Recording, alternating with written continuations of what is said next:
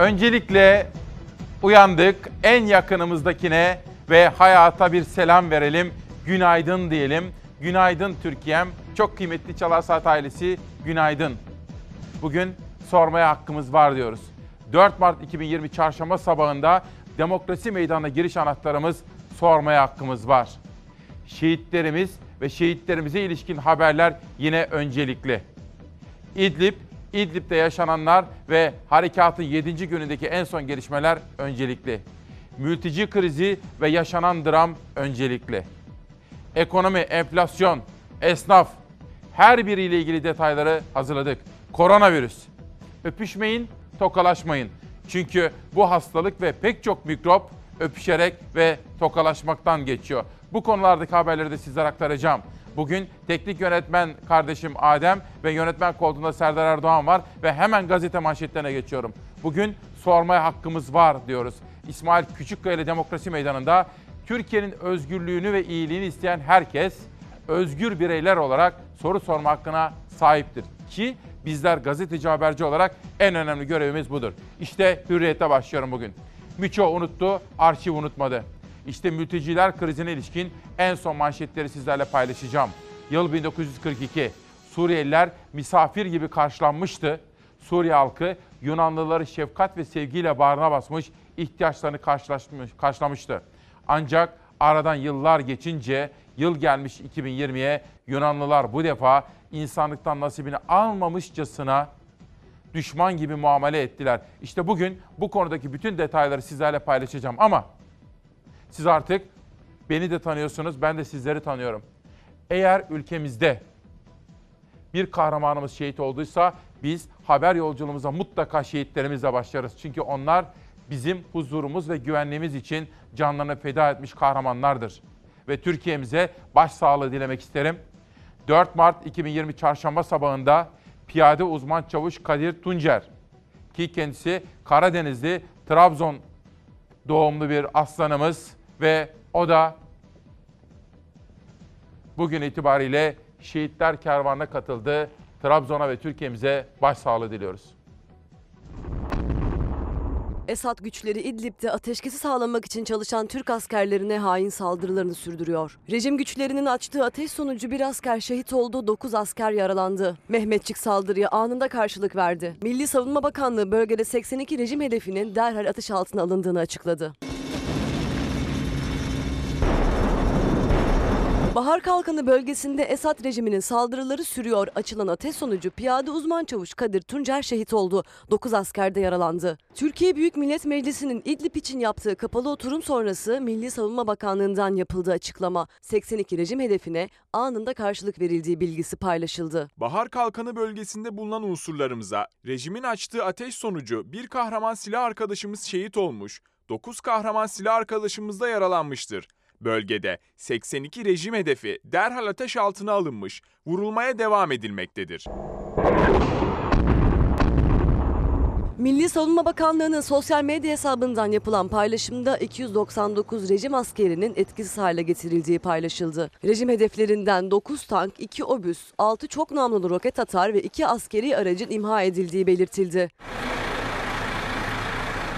Şehit uzman çavuş Kadir Tuncer'in cenazesi Hatay Devlet Hastanesi'ne getirildi. Şehadet haberi Trabzon'un Ortahisar ilçesinde yaşayan ailesine iletildi. Uzman çavuş Tuncer'in naaşı memleketi Trabzon'da toprağa verilecek. 4 Mart tarihine haber yolculuğumuza Trabzon'dan, Karadeniz'den bir şehidimizin haberi ve bugün İdlib ve ilgili gelişmeler, o büyük zirvenin Erdoğan'la Putin arasında yapın yarın yapılacak zirvenin bir gün kala en son diplomatik atakları da sizlere paylaşacağım. İngiltere'den gelenler, Amerika'dan gelenler, Rusya'dan mesaj olarak gönderilenler hepsini konuşacağım. Bugün Çalarsat ailesi uyanmış. Barış Tez'le başlıyorum. Mardin'den Türkiye'mize günaydın diyen Barış Tez. İşte bugünkü ilk mesajımız olsun. Hürriyet'ten Sözcü'ye geçiyorum. Hürriyet'e ikinci bir haber için ilerleyen dakikalarda geri geleceğim. Sözcü gazetesinin manşetinde milletin duası var. Mehmetçik Türkiye'nin hem kalbinde hem dilinde. İyi Parti lideri Akşener dün mecliste Allah'ım devletimize güç kuvvet, yönetenlere akıl, milletimize selamet nasip eyle dedi ve ekledi. Şu kopan fırtına Türk ordusudur ya Rabbi. Senin uğrunda ölen ordu budur ya Rabbi. Sen ordumuzu muzaffer eyle ya Rabbi. Yiğitlerimizin yavrularını yetim bırakma ya Rabbi. Yüzümüzü ve bayrağımızı yere düşürme ya Rabbi. Evlatlarımızın ruhları şad, mekanları cennet olsun. Türkiye'nin iyi ve cesur evlatları şimdi öyle bir haykırın ki şehitlerimiz duysun dedi ve varlığım Türk varlığına armağan olsun ne mutlu Türk'üm diyene dedi. İyi Parti lideri Meral Akşener dün İdlib'de Suriye'de şehit olan kahramanlarımızın, askerlerimizin isimlerini tek tek okudu ve onların ruhlarına birer Fatiha gönderdi efendim. Ve şimdi 4 Mart 2020 Çarşamba sabahının en önemli manşetleriyle devam ediyoruz. Şimdi sırada harekatın 7. günündeki en son gelişmeler.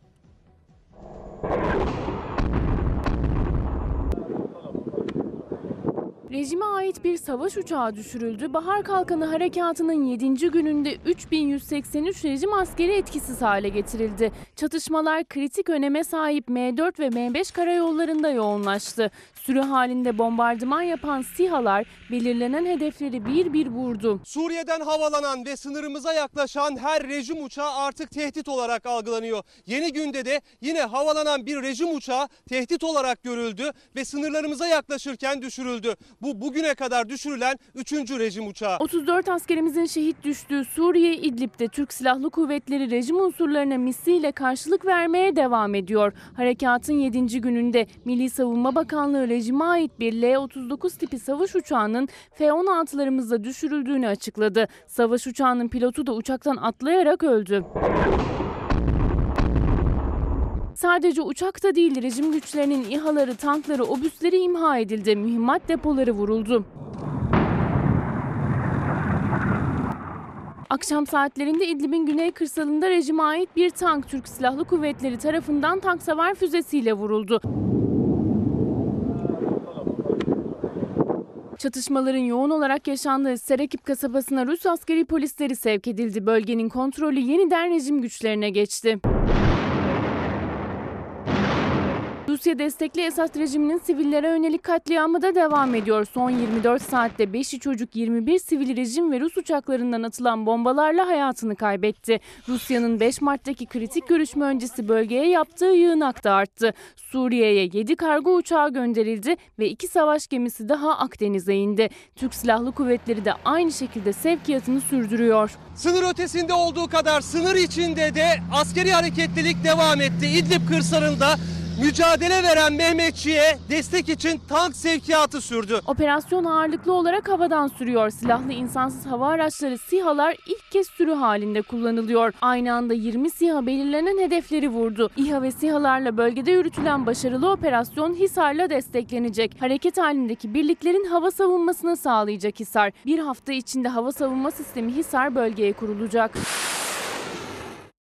Bu sabah 4 Mart'ta şehidimiz Trabzon, dün İzmir'den bir şehidimiz vardı.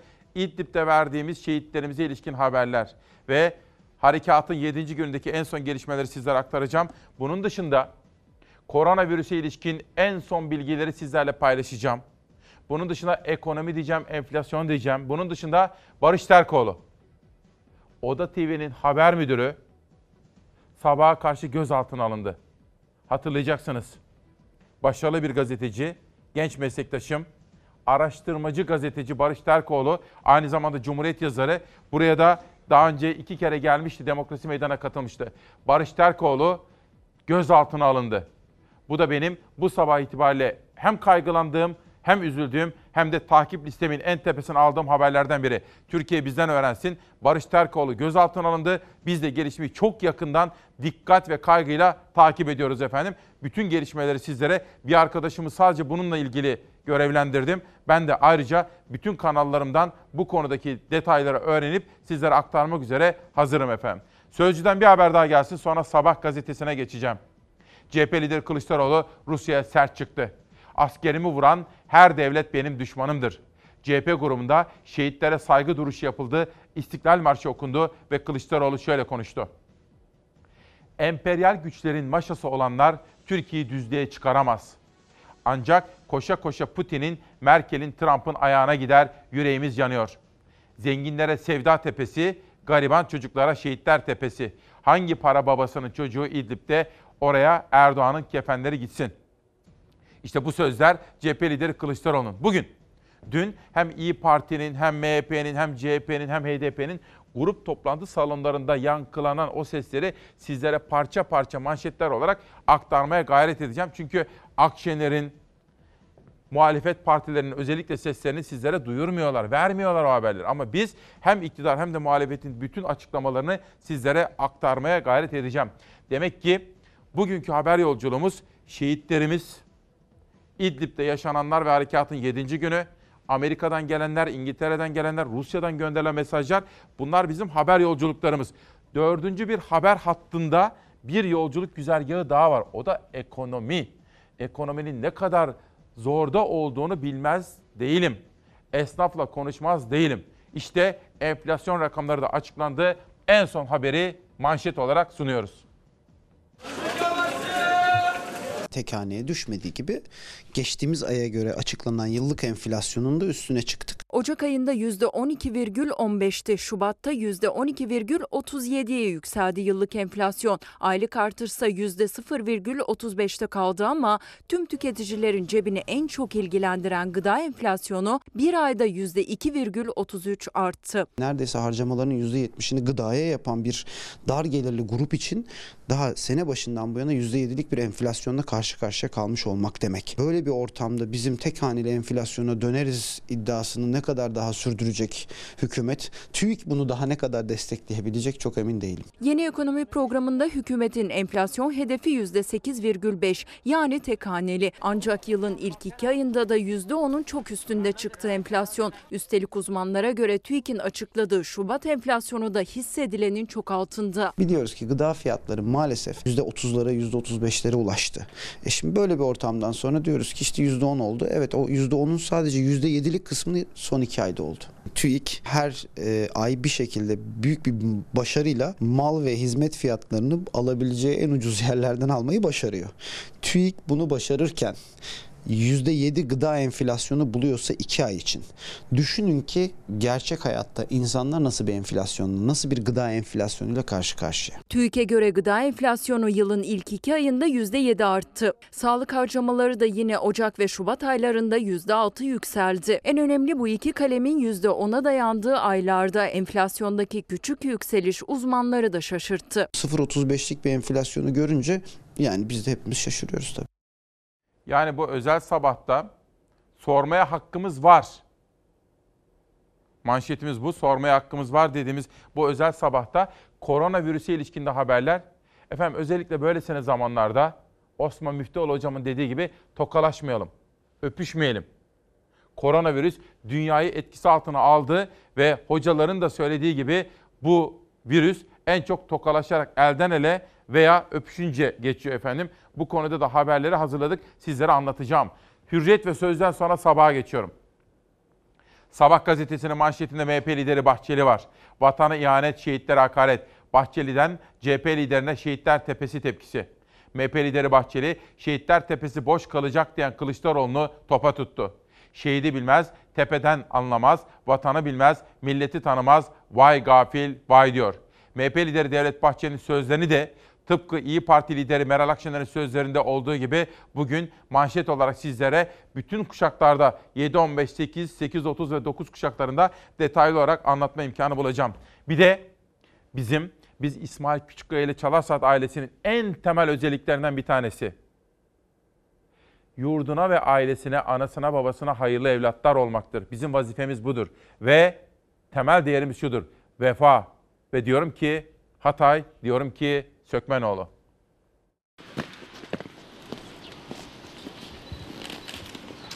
Tayfur Sökmen'in ölümünün 40. yıl, yıl dönümünde onu ve silah arkadaşlarını minnetle, şükranla yad etmek üzere bir araya geldik. Rabbim onlardan razı olsun. Hatay Anavatan'a katılmadan önceki ilk ve tek Cumhurbaşkanı Tayfur Sökmen vefatının 40. yılında anıldı. Onlar korkmadılar. Onların cesareti, onların feraseti, onların kadir şinaslığı bu toprakları milletimize vatan olarak bıraktı. Allah onlardan razı olsun. Hatay Valiliğinde düzenlenen törende Atatürk ve Tayfur Sökmen anıtlarına çelenk konuldu. Saygı duruşunun ardından İstiklal Marşı okundu. Hatay Valisi Rahmi Doğan önce 1930'lu yılları hatırlattı sonra sözü bugünlere getirdi. 1930'lu yıllarda Mustafa Kemal Atatürk ve Tayfur Sökmen ve onun silah arkadaşları hangi mücadeleyi veriyorsa bugün bu millette şu anda bu mücadeleyi veriyorlar. Anma töreninde Tayfur Sökmen'in torunu Mehmet Mursoğlu da kısa bir konuşma yaptı. Vatanını can siperhane bir şekilde savunan kahraman Türk milleti her zaman olduğu gibi bugün de birlik ve beraberlik ruhu içinde olmuş ve olmaya devam edecektir. Törene Azerbaycan'ın Ankara Büyükelçisi Hazar İbrahim de katıldı. Vefa en temel değerlerimizden biri unutmamalıyız. Yitirdiklerimizi de vefamızla yaşatmalıyız diyorum. Uyanan Çalar Saat ailesi birkaç gündür izleyemedim sizi. Ablamın vefatının seneyi devriyesi nedeniyle Mersin'deydim diyor. Figen Karpuz'a yitirdiklerimize de dualar okuyoruz efendim. Songül 52 günaydın abi Ordu'dan çok selam. Tüm vatanıma ekonomi ne ekonomisi abi. Benim eşim sözde emekli aldığı maaş o kadar az bir maaş alıyor ki iki çocuk annesiyim. Eşimin sol elin parmakları yok. Ben bu parayı bozdurup bozdurup harcıyorum diyor. 186 190 ne kadar alıyor acaba? 180 yani alt 200 liranın bile altında mı? Ordu demişken dün Şenoğlu, Nur Şenoğlu ve onun kıymetli annesi ve ailesiyle Ordu'dan konuştum. Eşi konuşturdu ve bir FaceTime yaptık. Şenoğlu ailesini de ilerleyen dakikalarda selamlayacağım efendim. Sabahtan bir haber daha gelsin sonra Cumhuriyet'e geçelim. Bir dakika Serdar. Bir gazeteci olarak sizin sesinizi duyurmaya çalışan bir haberci olarak bu sabah haber hazırlıklarımı yaparken eskiden olduğu gibi kaygılandım. Bir taraftan şehitlerimiz için üzülürken bir taraftan da çok önemsediğim bir meslektaşım Barış Terkoğlu'nun gözaltına alındığı haberiyle sarsıldım.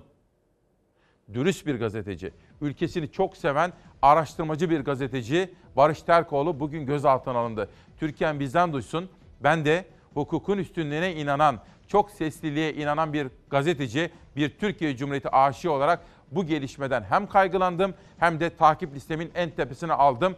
Arkadaşlarım da ben de takip ediyoruz. Onu da sizlere duyurmak istiyorum. Sabahta az evvel Devlet Bahçeli'nin önemsediği manşetini sunmuştum. Sıra geldi sabahın ikinci manşetine. İdlib'de siviller stadyuma sığındı. İdlib'de rejim ve Rusya'ya ait savaş uçaklarının bombardımanından kaçan siviller şehir stadyumuna sığındı. 500'den fazla aile stadyumun içine ve farklı noktalarına çadırlar kurdu.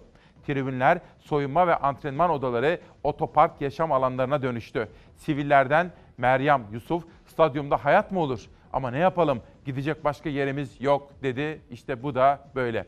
Şu anda okula gitmek üzere hazırlanan öğrenci kardeşlerime de bir günaydın diyelim ve zihin açıklığı temennisinde bulunalım. Bugün 5. haber yolculuğu güzergahında hani 4 ayrı yoldan bahsetmiştim. Şehitlerimiz İdlib ekonomiyle başlamıştım ya. Beşinci de dünyadaki gelişmelere, koronavirüse ilişkin de haberlere bakacağız. Ayrıca dünyada huzursuzluklar da var. Önce Hindistan'dayız.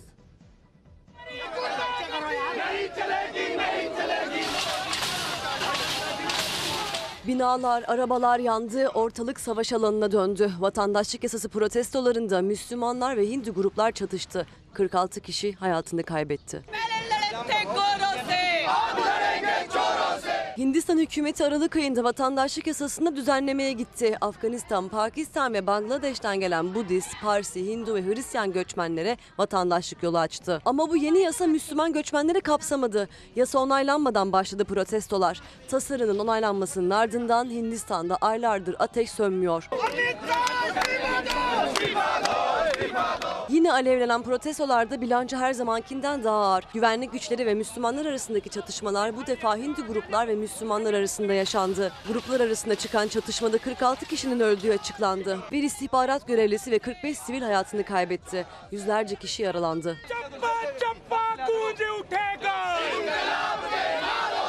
Çatışmaların şiddeti azalınca çevredeki tahribat da kendini gösterdi. Kundaklanan iş yerleri, binalar enkaza, araçlar hurdaya döndü. Nehir kenarında biriken ve temizlenmeyen çöp yığınları halk sağlığını tehdit eder boyutlara ulaştı.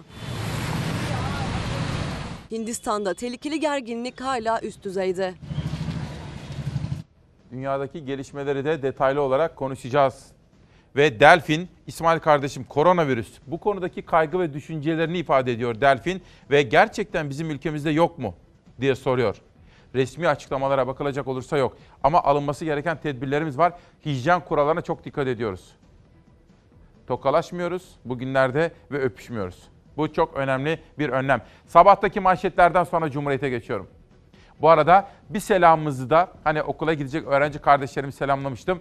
Bir selamı da her sabah olduğu gibi hastanelere veya eve çıkmış hastalarımıza ve onlarla ilgilenenlere göndermek isterim. Hem geçmiş olsun hem de teşekkür mesajlarını iletiyorum hastalarımıza ve yakınlarına. Cumhuriyet Gazetesi'nden bir haber gelsin. NATO'yu istiyor. Ankara'dan Emine Kaplan'ın haberi. Avrupa'yı doğrudan İdlib'e bağladık diyen Erdoğan askeri destek bekliyor, NATO'yu istiyor. Cumhurbaşkanı Erdoğan, Türkiye'nin Suriye sahasında ve masasında güçlü olduğunu savundu. NATO desteği olmadan güvenli bölgenin mümkün olmayacağını belirten Erdoğan, NATO ve Avrupa bizi yalnız bıraktı. Kapıları açarak Atina'yı ve Avrupa'yı İdlib'e bağladık. Artık durumun farkına varırlar dedi. Bu arada yalnızca NATO meselesi değil. Bu mülteciler krizinde. Birleşmiş Milletler nerede acaba? Bu Birleşmiş Milletler dediğimiz uluslararası örgüt, kuruluş nerede? Neden devrede değil diye bir soru da haklı olarak yanıtlanmayı beklemekte. Yıl gelmiş 2020. Avrupa asırlardır savuna geldiği değerleri adeta elinin tersiyle itmekte.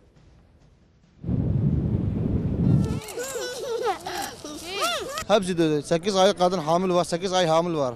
Onu dövdüler. Biber, biberonsu almış biberonsu bebek. İki gün oldu ağlıyor süt için. Bak aile. Bu hasta yani konuşmuyor kadın.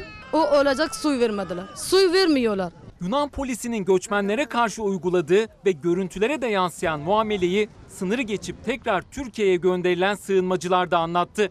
İddialarına göre çocuklara, hamile kadınlara bile şiddet uyguladılar.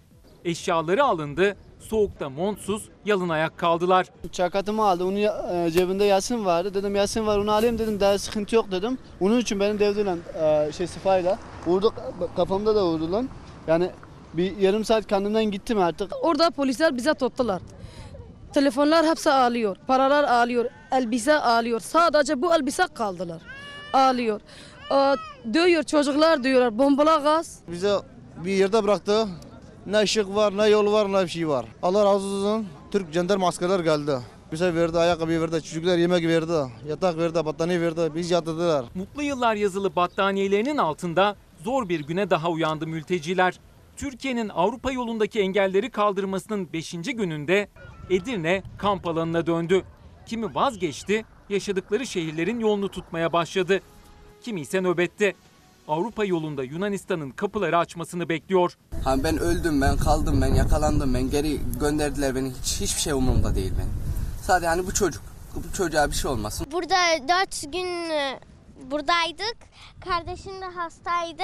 Ee, biz de üşüyorduk. Hava özellikle sabaha karşı çok soğuk. Çocukların oyuncak yaptığı ağaç dallarını büyükler ısınmak için kesti. Gün karardığında da yaktıkları ateş başında beklediler. Çoğu buraya gelebilmek için cebindeki parayı harcadığını söylüyor. Bu nedenle bir gıda malzemesi de alamıyorlar. Soğuk kadar açlıkla da mücadele ediyor mülteciler. Onların bu halini gören köylüler ve yardımseverler yemekler getirdi ve mülteciler bu gece bu şekilde doydu.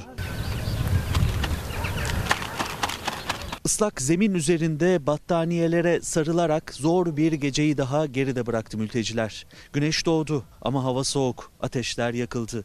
Mülteciler birazdan uyanacak. Onları yine zor bir gün bekliyor. Telefonları almışlar, 3000 dolar para almışlar. Yani hiçbir şey, canta falan hiçbir şey kalmadı. Nereli? Şu montada Nereli? Eraklı. Şimdi ne yapacak sorar mısın? Şimdi Allah yardımcımız olsun. Sadece yemek değil, köylüler mültecilere taşıma yardımı da yaptı. Yürümekten yorulan kadın ve çocukları at arabasıyla taşıyan bu köylü gibi. Sert müdahalesiyle konuşulan Yunan askerinin sayısı sınır hattında özellikle Meriç bölgesinde artıyor. İşte bir Yunan askeri köpekle birlikte devriye yapıyor. Ne kadar acı değil mi? İnsan çok üzülüyor ve çaresiz hissediyor kendisini ve kendi yurduna sahip çıkması gerektiğini düşünüyor. İç savaşın eşiğine gelmemeli. Kardeş kardeşi vurmamalı. Şöyle huzur içinde yaşamanın çaresini bulmalı. Kendi vatanını, yurdunu, evini, barkını, tarlasını, takkasını bırakıp başka ülkelere gitmek zorunda kalmamalı. İşte bugünden hazır yurdumuz varken, hazır halkımız kardeşlik türkülerini söylerken asırlardır bunu unutmamalı efendim. Bugün köşe yazılarına baktığım zaman Bekir Coşkun ki Bekir abimiz uzun zamandır hasta ve hastalığıyla mücadele ediyor ama iyileşmekte, iyi sinyalleri gelmekte. Ara ara yazıyor. Bugün de o yazdığı günlerden biri. Bekir Coşkun'un yazısından bir alıntı yapacağım sizlere. Eminim sizler de onun gibi düşünüyorsunuz. Çünkü Bekir abi de yüreğini çalıştıran isimlerden biridir. Aynı zamanda geçen hafta gündeme taşıdığımız bir konu vardı. Hani bir baba bombalar altında yaşarken çocuğuna o bombalardan, savaştan travma yaşamasın diye onu kurtarmaya çalışırken o Hayat Güzeldir filmindeki gibi davranıyordu ya. Washington'dan yazan Serdar Turgut da Amerikan medyasının iki yüzlülüğünü gözler önüne seren bir yazı yazmış. Ciner grubunun Washington temsilcisi Serdar Turgut bugünkü yazısında Amerikan medyası ile ilgili çok çarpıcı bir tespiti bizlerle paylaşıyor.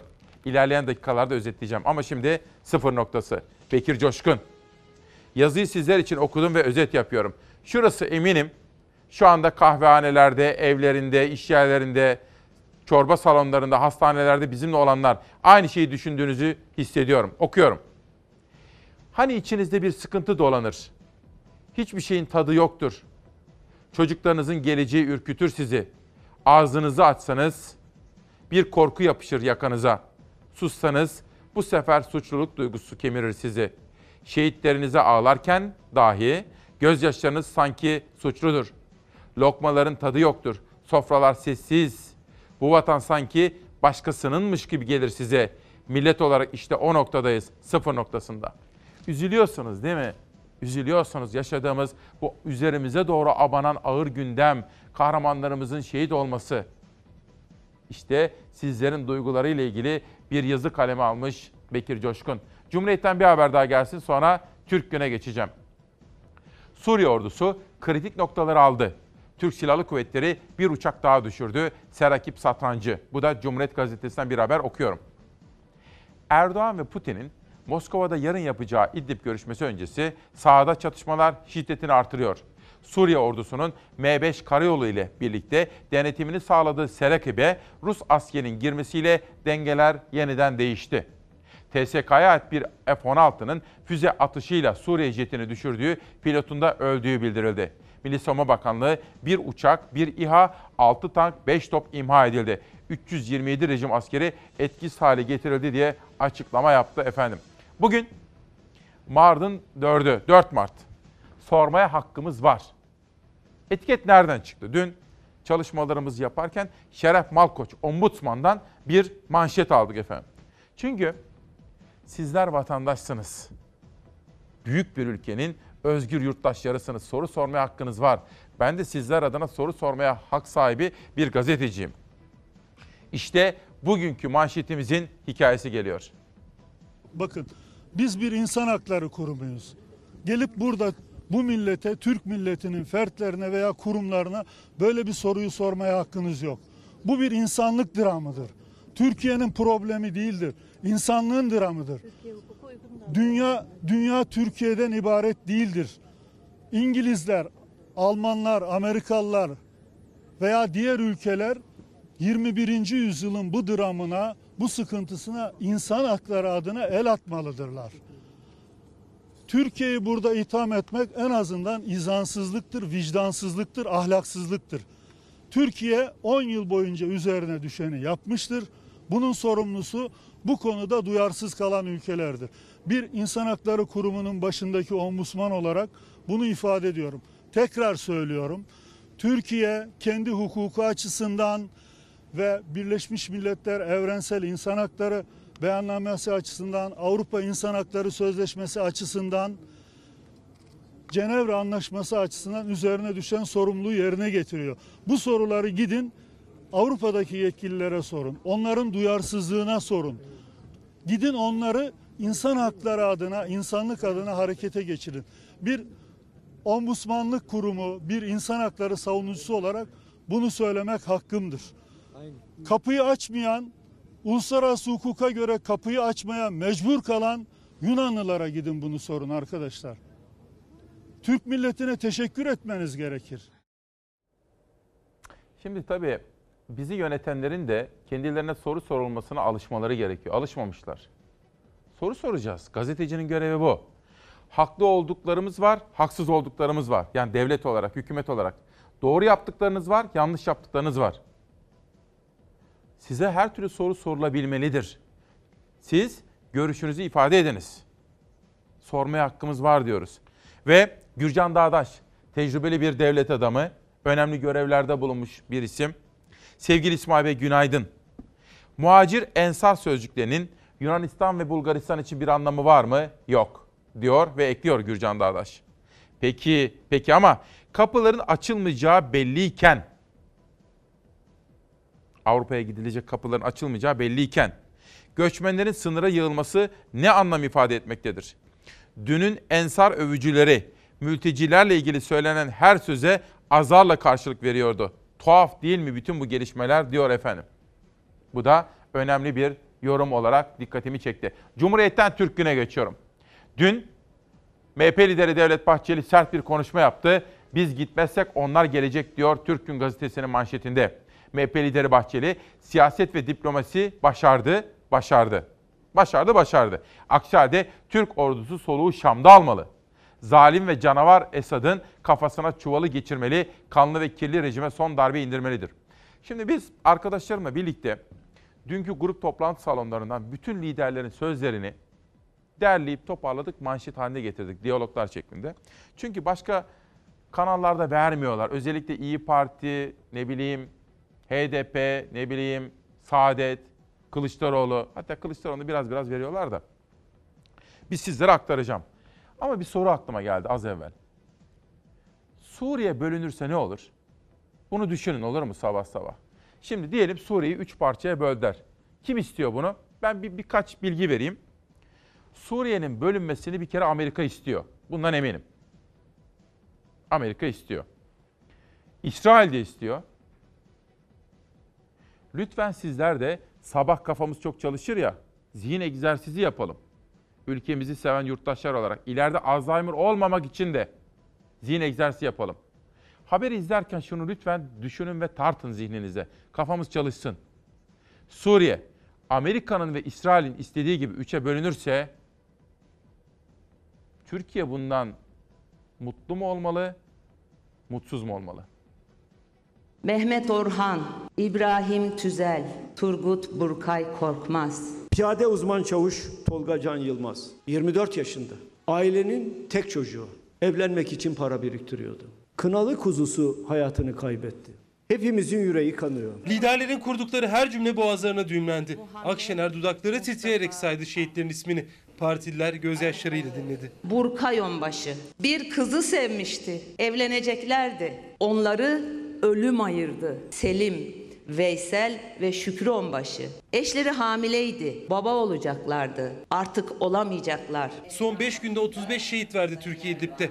O şehitlerin resimleri grup salonlarındaydı. İsimleri Gazi Meclis'te yankılandı. Emre Baysal, Eyüp Gülaştı, Selim Nergis, Halil Çankaya. Şimdi öyle bir haykırın ki şehitlerimiz duysun. Varlığım Türk varlığına armağan olsun.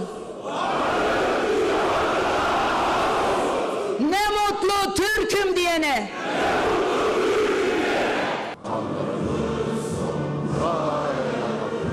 CHP grubu da şehitlerin anısına saygı duruşu ve istiklal marşı ile açıldı. Piyade Teğmen Bayram Olgun 26 yaşında. Babası 2 ay önce vefat ediyor. Babasının cenazesine katılmak için Suriye'den geliyor. Cepheye gitmeden önce mahalledeki berbere gidiyor ve tıraş oluyor. Belki bu son tıraşım olur diyor. Evet bu topraklardaki son tıraşıydı. Bu ülkenin şehitleri bu ülkenin onurudur.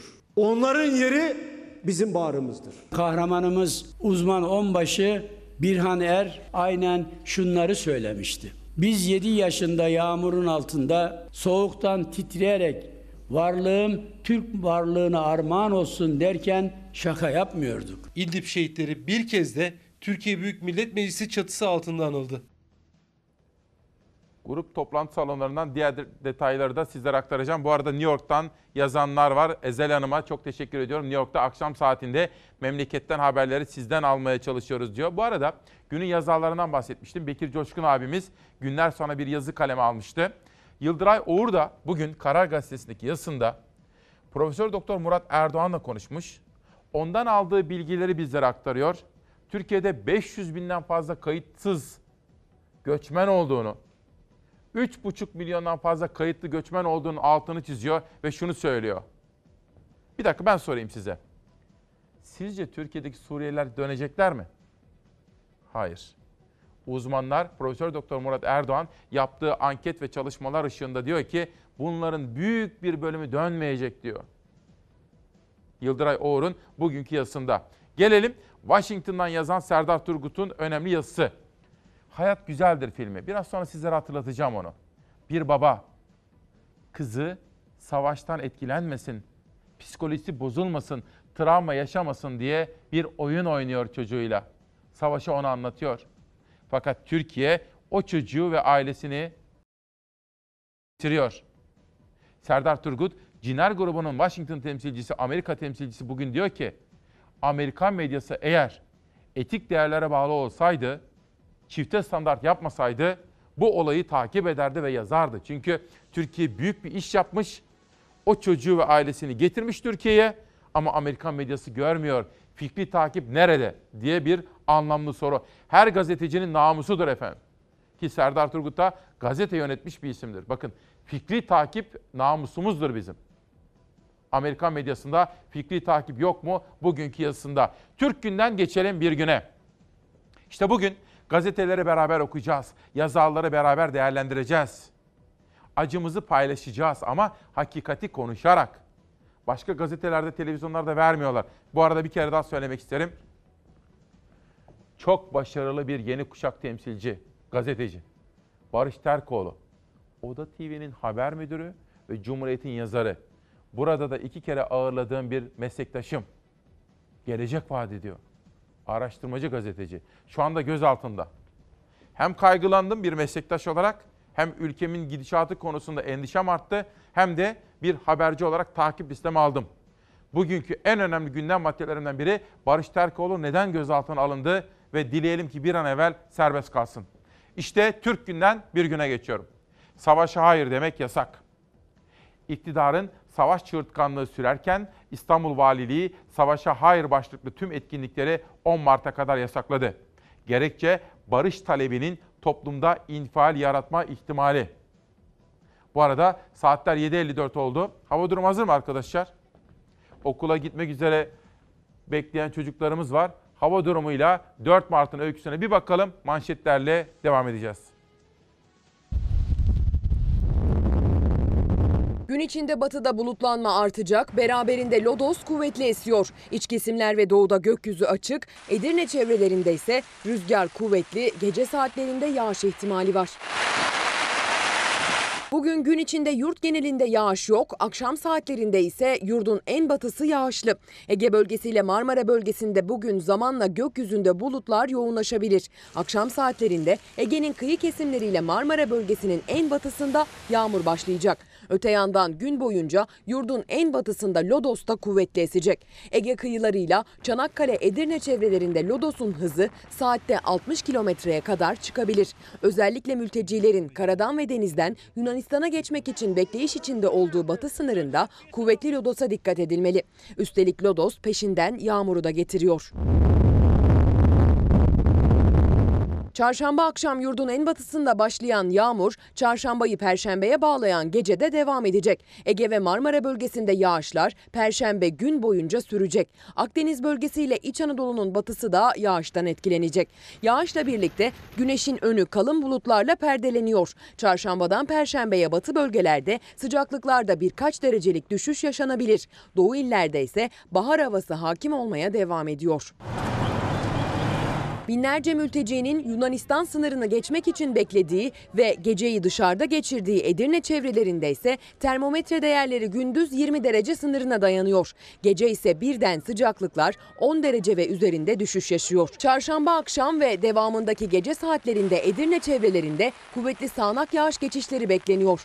Bölgede çarşamba perşembe günlerinde kuvvetli lodosa da dikkat edilmeli. 3 Mart'ın öyküsünün 4 Mart'a nasıl manşet olarak yansıdığını da aktaracağım. Sırada o var. Yavuz Eser, sevgili İsmail Günaydın. Gazeteci Barış Terkoğlu soru sorduğu için gözaltına alınmış olabilir mi? Soru sormaya hakkımız var diyor efendim bakın. Çünkü özgür bir ülkenin hak sahibi yurttaşları olarak soru sormamız gerekiyor. Hatta devlet biz soru sormazsak bize kızmalı.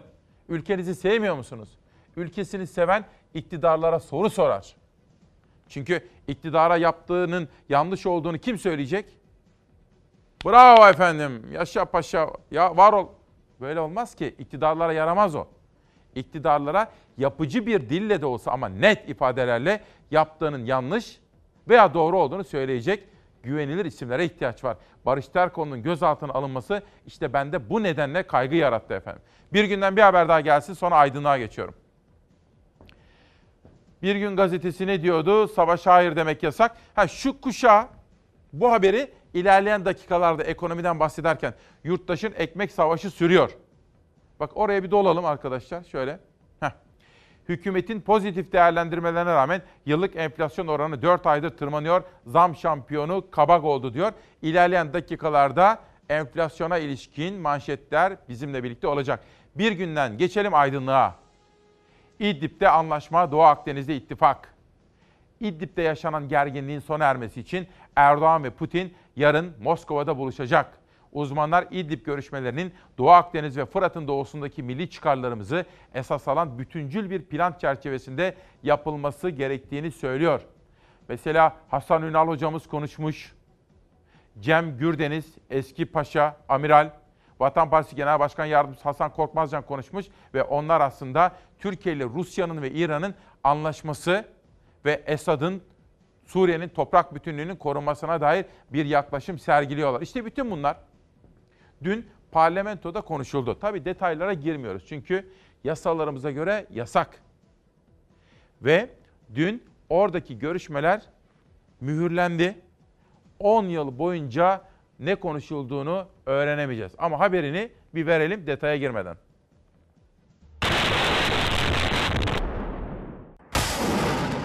İdlib'deki hain saldırı ve bölgedeki operasyon Türkiye Büyük Millet Meclisi Genel Kurulu'nda görüşüldü. 6,5 saat süren toplantı basına kapalıydı.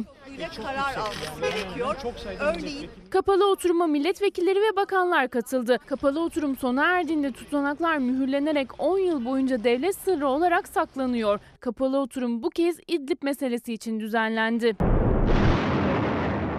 Türkiye Büyük Millet Meclisi Genel Kurulu Mustafa Şentop başkanlığında toplandı. Kapalı oturumda Milli Savunma Bakanı Hulusi Akar, Dışişleri Bakanı Mevlüt Çavuşoğlu süreçle ilgili meclise bilgi verdi. Yeminli stenograflarla işitme engelli kavaslar dışındaki görevlilerle gazeteciler salondan çıkarıldı. Toplantı bitene kadar ana bina ve kulislere personel ve ziyaretçi alınmadı. Kapalı oturum 6,5 saat sürdü. Şentop oturumun tamamlanmasının ardından birleşimi bugün saat 14'te toplamak üzere kapattı. Şimdi yaşadığımız günlerin ne kadar zor olduğunu biliyorum. Ama Zeliha Hanım gibi düşünmüyorum. Günaydın kardeşim. Bizi hiç iyi günler beklemiyor. Umutsuzum. Her gelecek gün geçen günden karanlık diyor. Zeliha Hanım, hayır. Zorlukları görüyorum. Ben de hissediyorum. Ama asla umutsuz değilim. İleride herhalde bizi bekleyen aydınlık günlerin olduğunu biliyorum. Büyük ozanımız Nazım'ın dediği gibi yeter ki kararmamız kararmasın. Sol memenizin altındaki cevahir, yüreğiniz kararmasın diyor ya. Oğuz Özer, sevgili İsmail, MIT kanununu da açıklar mısın? MIT personelini deşifre etmek 3 ila 7 yıl arasında yargılanır mı diye bir soru soruyor. Nereye varmak istediğinizi biliyorum. Ancak Barış Terkoğlu'nun çok yakın arkadaşı Barış Pehlivan diyor ki, tabii ki MİT personelini deşifre etmek suçtur ama o konuşmalar bir hafta önce mecliste yapıldı zaten diyor. Yani deşifre eden kişi Barış Terkoğlu değil diyor. Onu da söyleyen bir gazeteci. Ama MİT personelini deşifre etmek suçtur. Bunu kabul ediyorum. Ancak Barış Terkoğlu neden gözaltına alındı? Hala ortada yanıtını bekleyen bir soru işareti. Aydınlıktan geçelim Pencere gazetesine. Yavuz Ohan ve arkadaşlarının çıkarttıkları Pencere gazetesinde bugün parti grup toplantı salonlarından derlemeler var. Topuğunuz kıçınızda Putin'e koştunuz. Şimdi özellikle pardon Serdar bir dakika. Çocuklarımızın çoğu okula gitti ama okula gitmemiş çocuklarımız için veya kadınlarımızdan peşin peşin özür diliyorum. Ki bugüne kadar nezaketiyle de tanıdığımız ki nazik bir insandır Kılıçdaroğlu. Bence şimdi beni izliyor biliyorum. Bu ifade kendisine hiç yakışmadı bence. Daha sert konuşabilirsiniz. Daha net ifadelerle eleştirebilirsiniz Erdoğan'ı veya hükümeti. Ama bu ifade bence size yakışmadı. Bunu bir düşünün. Hatta yanınızda eşiniz var, ona da bir sorun. Daha sert olabilirsiniz, daha net olabilirsiniz ama böyle bir ifade kullanılmaz. Dolayısıyla bunu şöyle bir geçelim hemen sonraki manşete geçelim. Ben yakıştıramadım doğrusu açık söyleyeyim. Duyduğum anda kulaklarıma inanamadım. Bir daha okudum. Başka ajanslara da baktım. Bu ifade yakışık almadı. O gülerken biz kavrulduk. İyi Parti lideri bakın ne diyor. İyi Parti lideri Akşener 34 şehit haberinin ardından kameralar karşısına geçtiği ilk toplantıda espri yapıp gülen Erdoğan'a yüklendi. O gülerken biz kavrulduk dedi. O güldükçe bu ülkeyi yönetme iddiasındakilerin akıllarını, vicdanlarını çoktan rafa kaldırdığını gördük. Sen hala eğleniyor musun Sayın Erdoğan diye sordu. Geçen hafta İstanbul milletvekilleriyle bir araya gelen Erdoğan, İdlib'de 34 askerin şehit edilmesinden iki gün sonra yaptığı konuşmasındaki tavrı yüzünden eleştirilmişti. Akşener partisinin dünkü grup toplantısında Erdoğan'ı ve Suriye politikasını o konuşma üzerinden eleştirdi. Akşener milletvekillerinden alkışlamamalarını isteyerek başladığı konuşmasında şunları söyledi diyor efendim. Peki hazır mı Serdar bu? İzleyelim o zaman. 36 oğlumuzu toprağa verdik. Bir oğlumuzu da bugün veriyoruz. Sen hala eğleniyor musun Sayın Erdoğan? Ya insanda biraz vicdan olur ya. Biraz ahlak olur ya. Şehitlerimizin cenazesini toprağa vermemişiz ya. Cumhurbaşkanı Erdoğan'ın İdlib'de 33 askerin şehit edilmesinden iki gün sonra ilk açıklamasındaki tebessümü muhalefetin gündemindeydi. Ne diyor Akif? Irzımızdır çiğnenen, evlatlarımızdır doğranan. Hey sıkılmaz, ağlamazsan bari gülmekten utan. Perşembe akşamı geldi acı haber. Cumhurbaşkanı Erdoğan o gece Külliye'de güvenlik zirvesini topladı. İki gün sonra cumartesi günü Dolmabahçe Cumhurbaşkanlığı ofisinde İstanbul milletvekilleriyle toplantıda kürsüye çıktı. Herkes de dinliyor. Ekonomiden bahsetti. İşsizliği nasıl engelleyecekler ondan bahsetti. Bir sürü şeylerden bahsetti. Tabii doğal olarak bir de benden bahsetti. Gün boyu sürekli liderlerle görüşmelerimiz oldu. Ana muhalefetin başı hariç. O arama lütfunda bulunmadı. Ordumuza büyük bir kumpas kurulmuş. Onlarca şehidimiz var. Beyefendi bekliyor. Acaba Kılıçdaroğlu beni ne zaman arayacak? Ben seni niye arayayım ya? Millet seni bekliyor. Çık millete bilgi ver kardeşim. CHP lideri Cumhurbaşkanı'nın hain saldırıdan iki gün sonra kamera karşısına geçmesini eleştirdi. O konuşmanın içeriğini İyi Parti lideri Meral Akşener de Cumhurbaşkanı'na gülmesi üzerinden yüklendi. Trump diyor ki ya diyor burada Putin'in diyor ne beklentisi var? Ne isteği var? Dedim Kamışlı'da dedim bir petrol olayı bunların var dedim. Ya orada petrol var mı dedi. Orada petrol var dedim. Ama değiliz o kadar değil dedim. 37 oğlumuzu toprağa verirken dedikodu yapıp kıkırdayamazsın Sayın Erdoğan. Geride bir daha babasını göremeyecek evlatlar var. Onlar ağlarken sen gülemezsin Sayın Erdoğan. Akşener öfkeliydi. Grup konuşmasının büyük bölümünde o anları eleştirdi. Şehit askerlerin hikayelerinden alıntılarla Erdoğan'a yüklendi. Batuhan Onbaşı daha 6 ay önce nişanlanmıştı. Yuva kuracaktı. Çoluk çocuğa karışacaktı. Şimdi karışamayacak. Sen hala eğleniyor musun Sayın Erdoğan?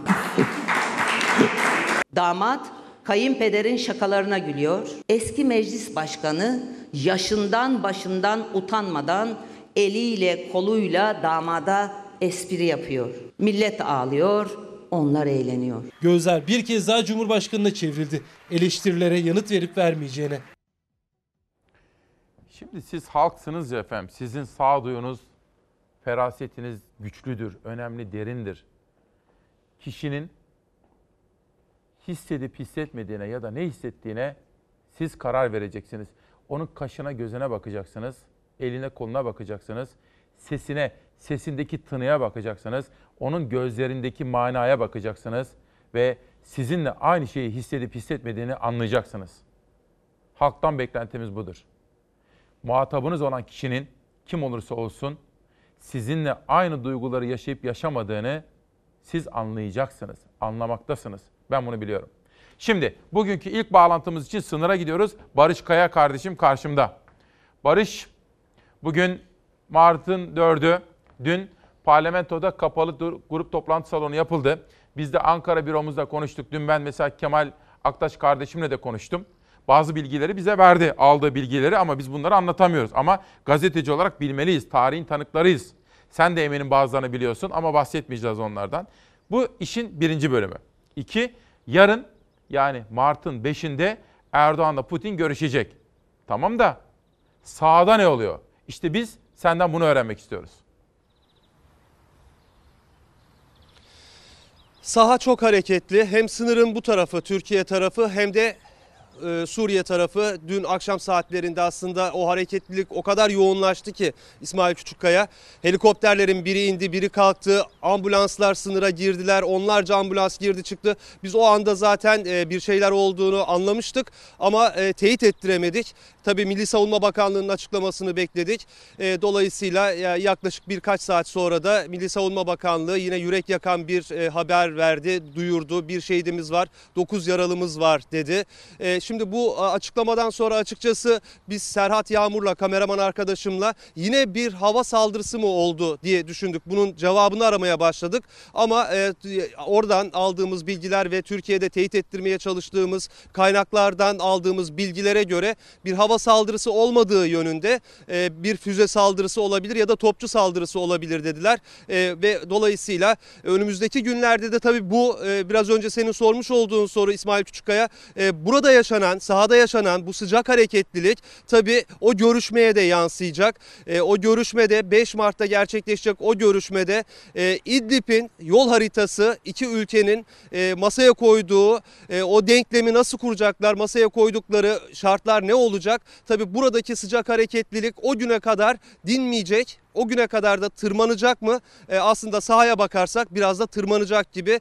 Çünkü e, Putin o bölgeyi bırakmak istemiyor. Suriye'yi bizden daha çok müttefiki olarak görüyor çünkü e, yıllardır o bölgede bir menfaati var. Bütün emperyalist ülkelerde olduğu gibi. Dolayısıyla önümüzdeki süreci nasıl göreceğiz, nasıl yaşayacağız? Bu da Cumhurbaşkanı Erdoğan'la Putin'in yapacağı görüşmede belli olacak. E, dün e, Milli Savunma Bakanlığı'nın yapmış olduğu açıklamada yine dikkat çeken detaylar vardı. E, hava e, SİHA'larla yapmış olduğumuz karşı taarruzda 9 tank, 2 obüs, 6 çok namlulu roket atar, 2 araç, 299 e, rejim askeri etkisiz hale getirildi açıklaması vardı. E, gece saatlerinde yapıldı bu açıklama. Öncesinde de açıklamalar yapıldı ama gördüğümüz şöyle net bir tablo var. Evet. 7 savunma sistemini e, bugüne kadar insansız hava araçlarıyla vurduk ve 3 tane de uçak düşürdük. Bu Suriye uçağı.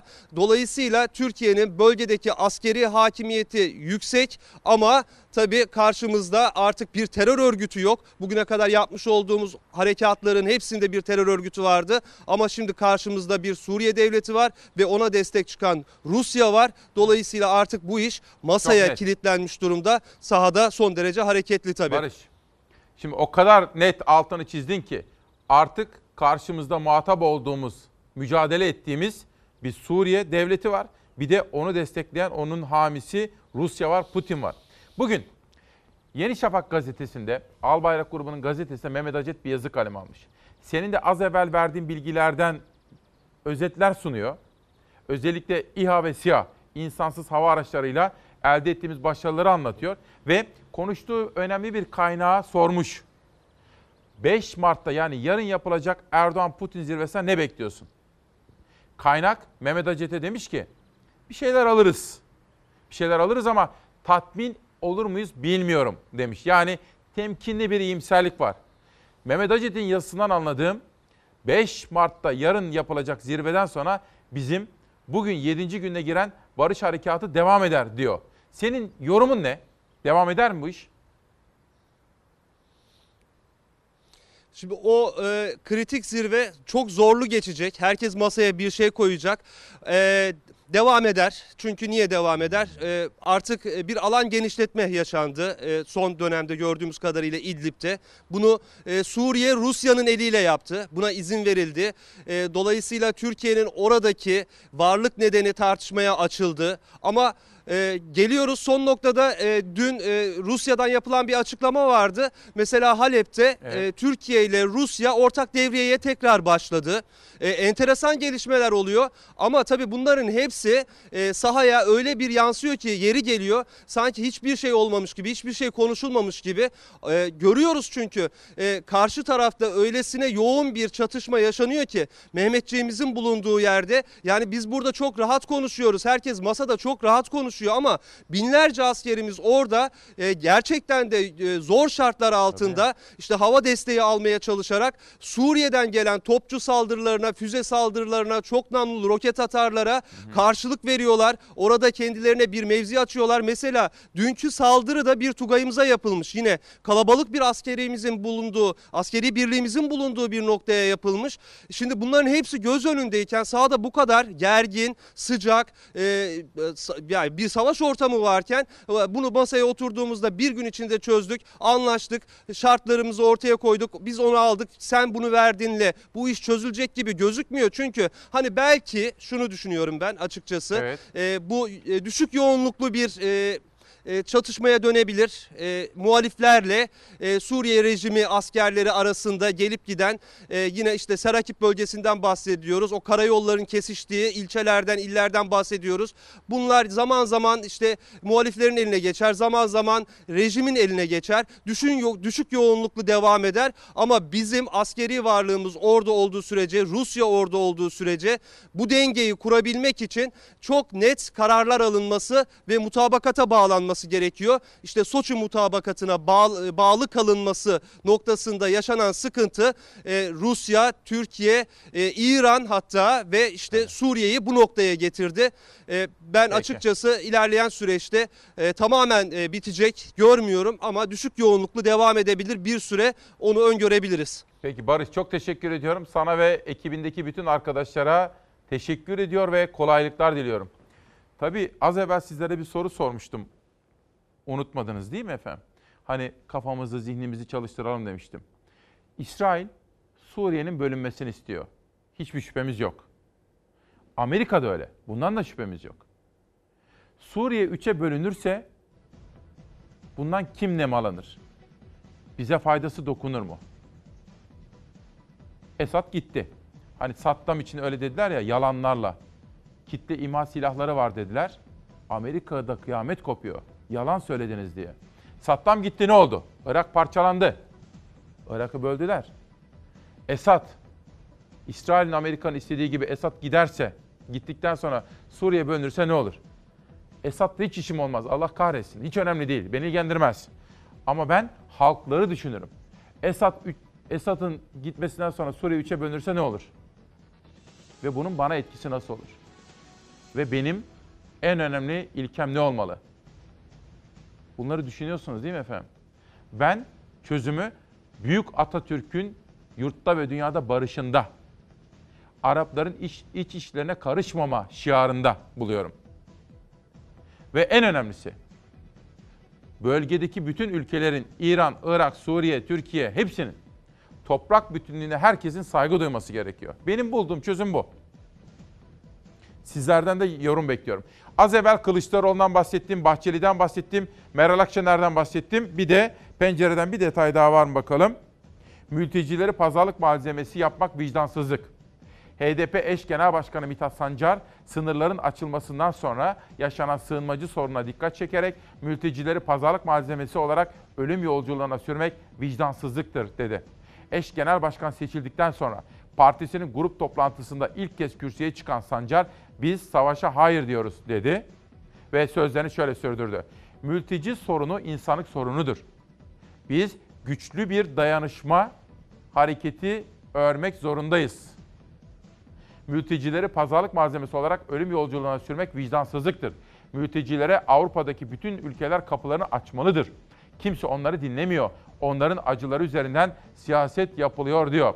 O halde 2020'de büyük ozanımız Nazım Hikmet'in sorduğu gibi büyük insanlık nerede acaba?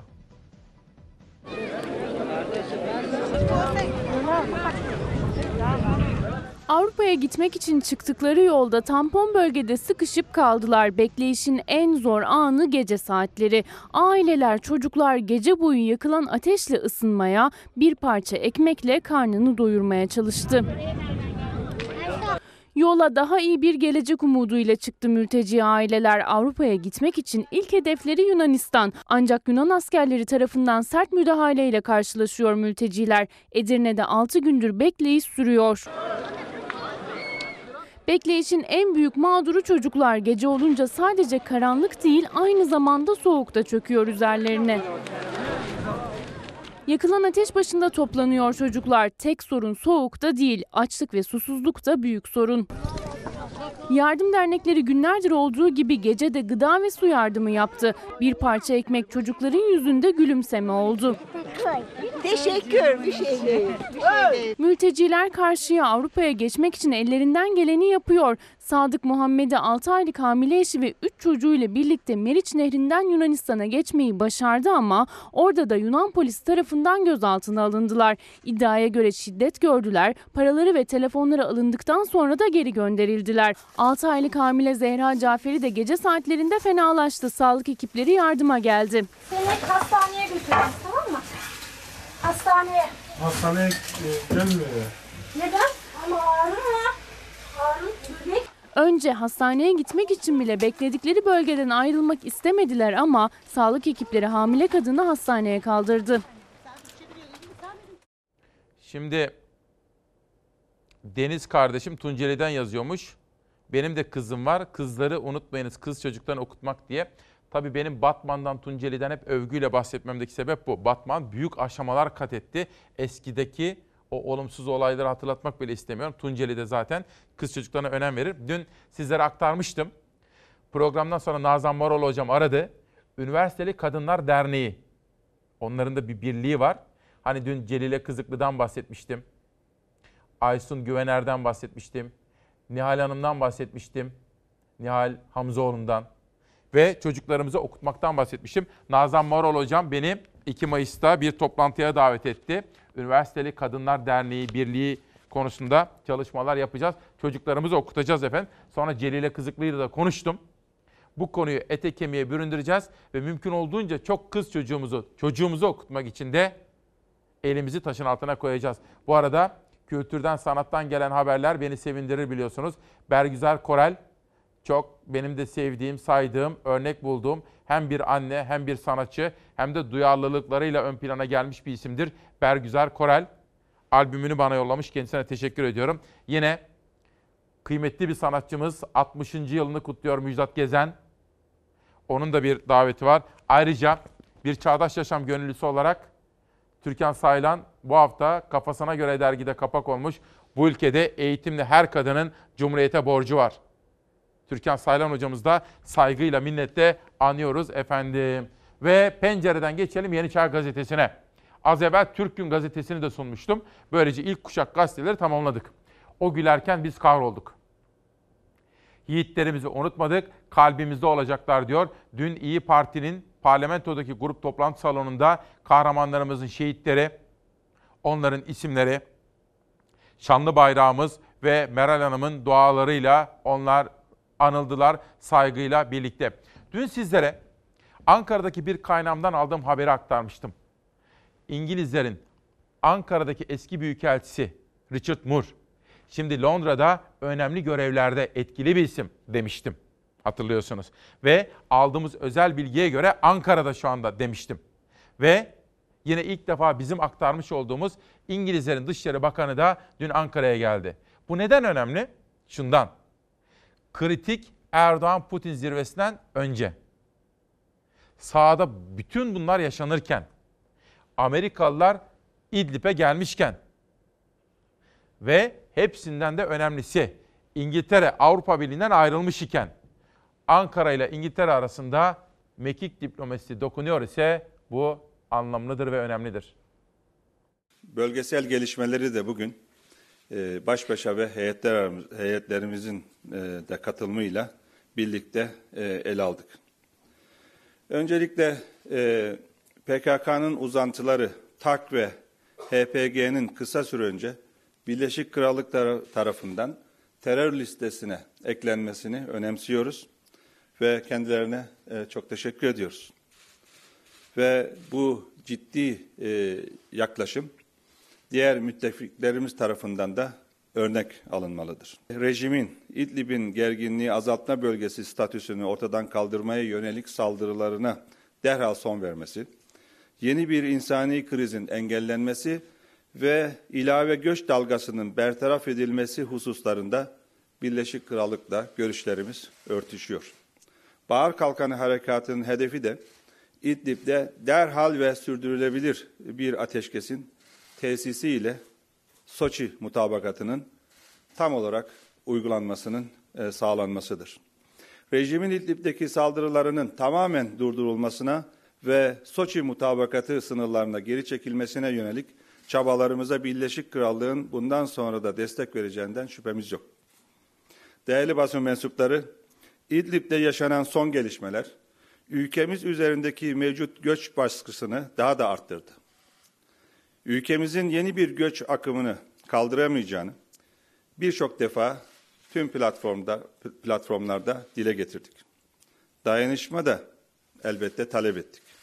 Uluslararası toplum bu çağrılarımızı maalesef duymazdan geldi.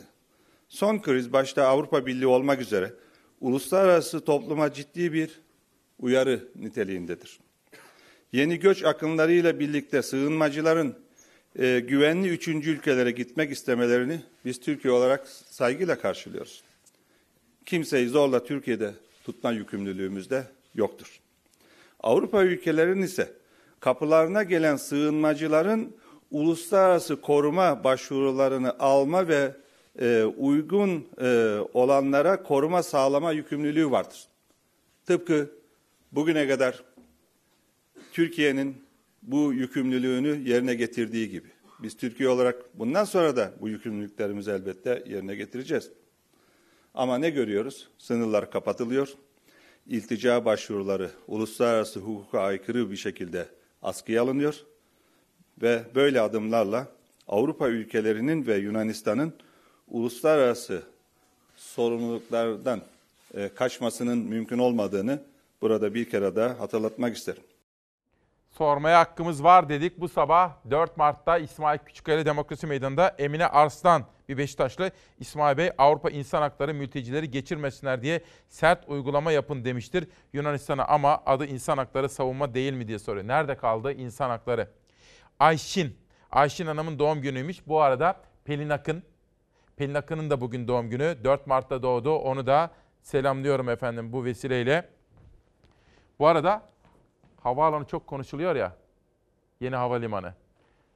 Yerinden tutun ağaçlara, ağaç kesildi mi, ne kadar kesildi, güvenli mi değil mi gibi pek çok husus, ismi hepsini gittim ve havaalanının İGA'nın CEO'su genel müdürüyle görüştüm. 3,5 saat sizler için sorular sordum. Bugün veya bugün vaktim kalmazsa yarın sizlere aktarma imkanı bulacağım.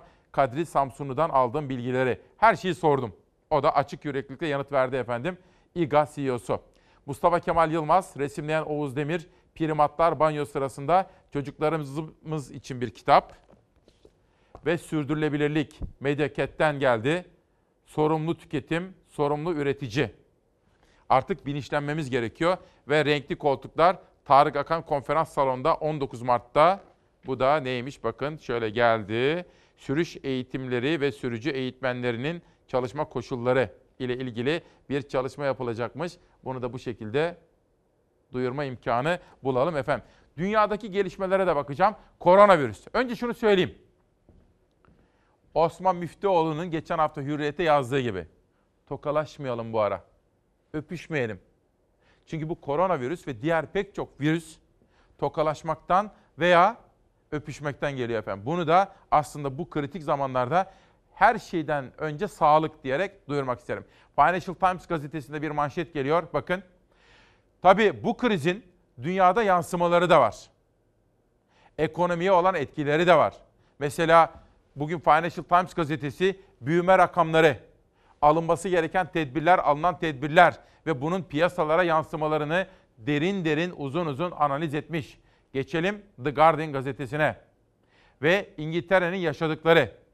The Guardian gazetesinin haberini okuduğunuz zaman dünyadaki rakamlar, İngiltere'deki rakamlar bakın İngiltere'de de 51 rakamına ulaşılmış koronavirüsle ilgili ve evine yollanan çalışanlarla ilgili rakamlar. Ayrıca dünyadaki gelişmeleri de uzun uzun analiz etmişler.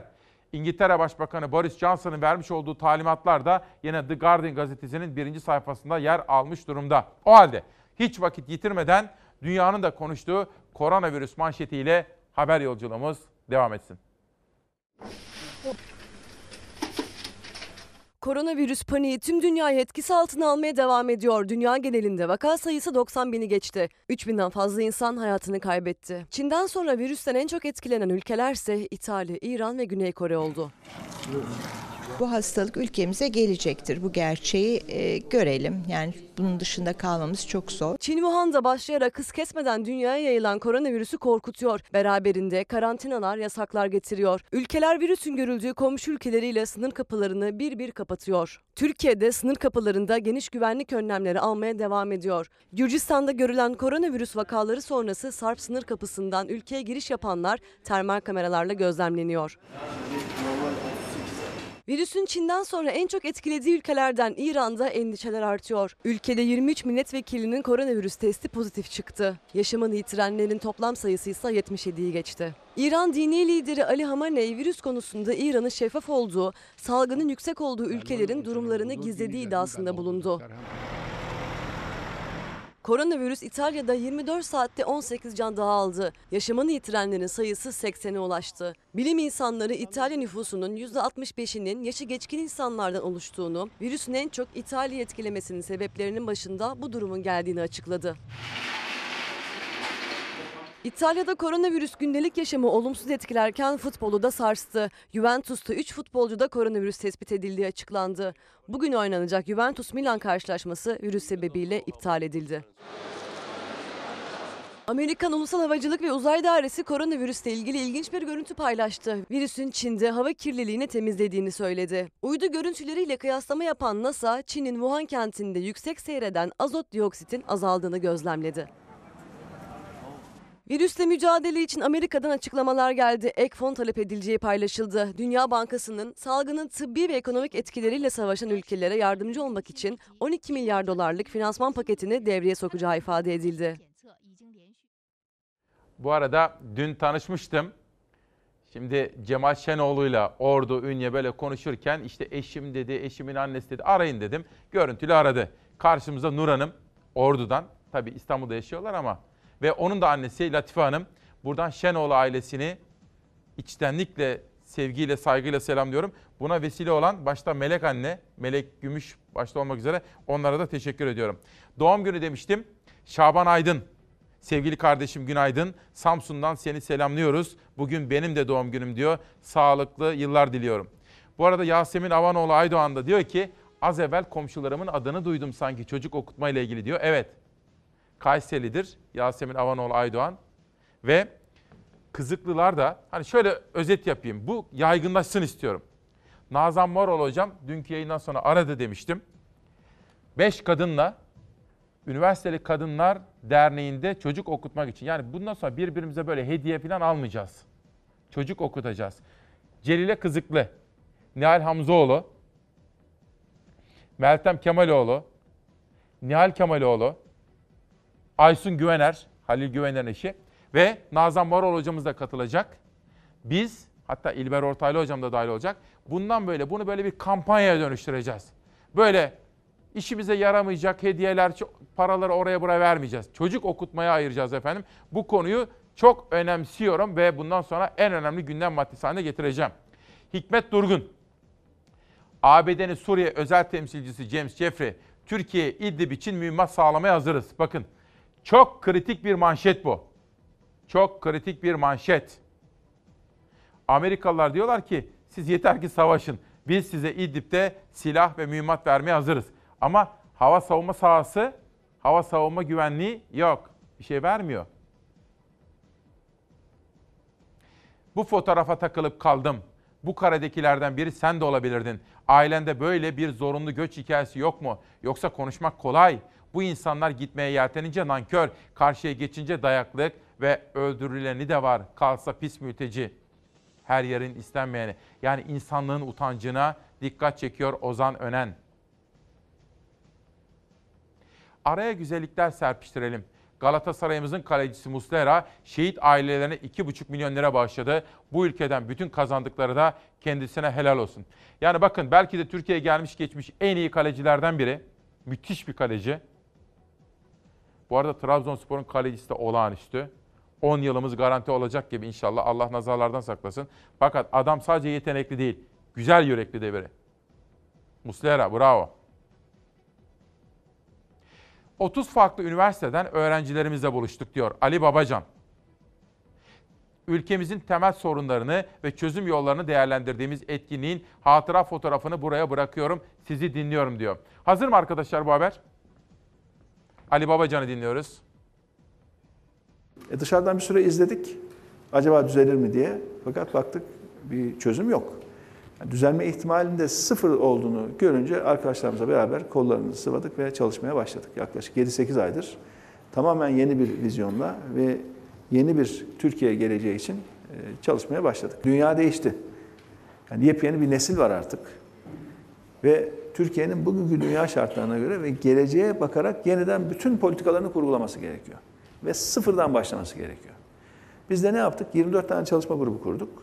Ve tamamen beyaz sayfalarla Türkiye'nin geleceği için ne yapmak gerekiyor diye uzmanlar, siyasetçiler, akademisyenler, sivil toplum kuruluşları, düşünce kuruluşları bunların hepsinin katılımıyla politika üretmeye başladık. Ve bunlar artık yavaş yavaş tamamlama noktasına doğru gidiyor. Toplumdan kopuk bir siyaset, bunu maalesef hem iktidar hem muhalefet açısından söylüyorum. Toplumdan kopuk bir siyaset ne sorunların teşhisinde ne de tedavi kısmında yani sorunların çözümünde maalesef bir şey üretemiyor. Eğer biz görseydik ki ya şöyle bir siyasi parti var ve bu bunlar çözebilir bu sorunu diye inansaydık giderdik seve seve o arkadaşlara yardımcı olurduk. Ama öyle bir şey yok şu anda maalesef. Yani ben göremiyorum en azından. Yani gerçekten hani ekibiyle, çalışma stiliyle sadece konuşma değil. Yani çalışarak, iş üreterek çözüm üreten bir yapı göremiyorum. Ali Babacan yeni partisinin kurma çalışmalarını hızlandırdı. Bu arada bir gazeteci olarak sizin adınıza soru sorması gereken, görevi bu olan bir gazeteci olarak kaygımı ifade etmek istiyorum. Sabah 4 civarında hazırlığımızı yapıyoruz. Ekip arkadaşlarım benden de önce çalışıyorlar. Ama kaygılandım. Çünkü genç kuşağın başarılı bir gazetecisi, soru soran, sizin sorunuzu soran Barış Terkoğlu gözaltına alındı. Evet, geçmişte FETÖ'cüler tarafından gözaltına alınmıştı, cezaevinde yatmıştı. Oda TV davası hatırlıyorsunuz Ahmet Şık ve Nedim Şener'le birlikte. Şimdi Barış Terkoğlu gözaltına alındı.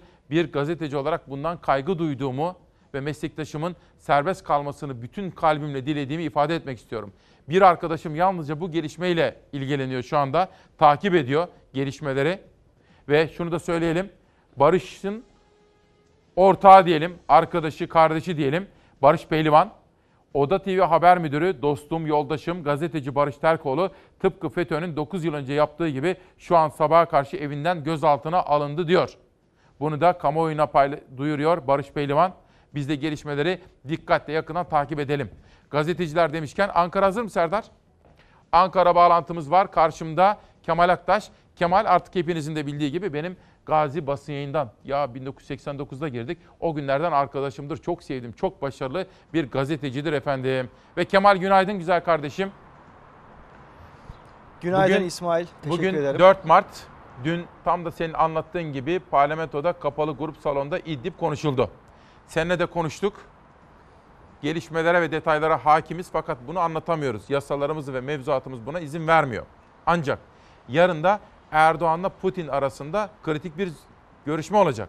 Bugün ayrıca Cumhurbaşkanı Erdoğan partisinin grup salonunda konuşacak. Ankara'nın nabzını senden alalım. Evet e, belki içeriden bilgi veremiyoruz dünkü kapalı oturma ilişkin ama tansiyonunun çok yüksek geçtiğini söyleyebiliriz. Gergin bir e, atmosferde geçtiğini söyleyebiliriz. Tam 6 saat sürdü. 15.30'da başladı. 21.30'da sona erdi. Birkaç defa 3-4 defa tansiyon arttı. Sesler dışarıya kadar geldi. Hatta arbede noktasına kadar ulaştığını biz e, biliyoruz. E, bir ara sonlara doğru sağlık ekiplerinin kulisler civarında dolaştığına da tanık olduk. Bunu da söyleyelim. İçeride yaşananları da bu kadarla e, söyleyebiliyoruz. Ancak gergin bir atmosferde geçtiğini e, söyleyebiliriz. Karşılıklı tam anlamıyla bir hesaplaşmaya dönüştüğünü söyleyebiliriz. Evet bugün de gözler AK Parti grup toplantısında olacak. Yine mecliste atacak Ankara'nın nabzı.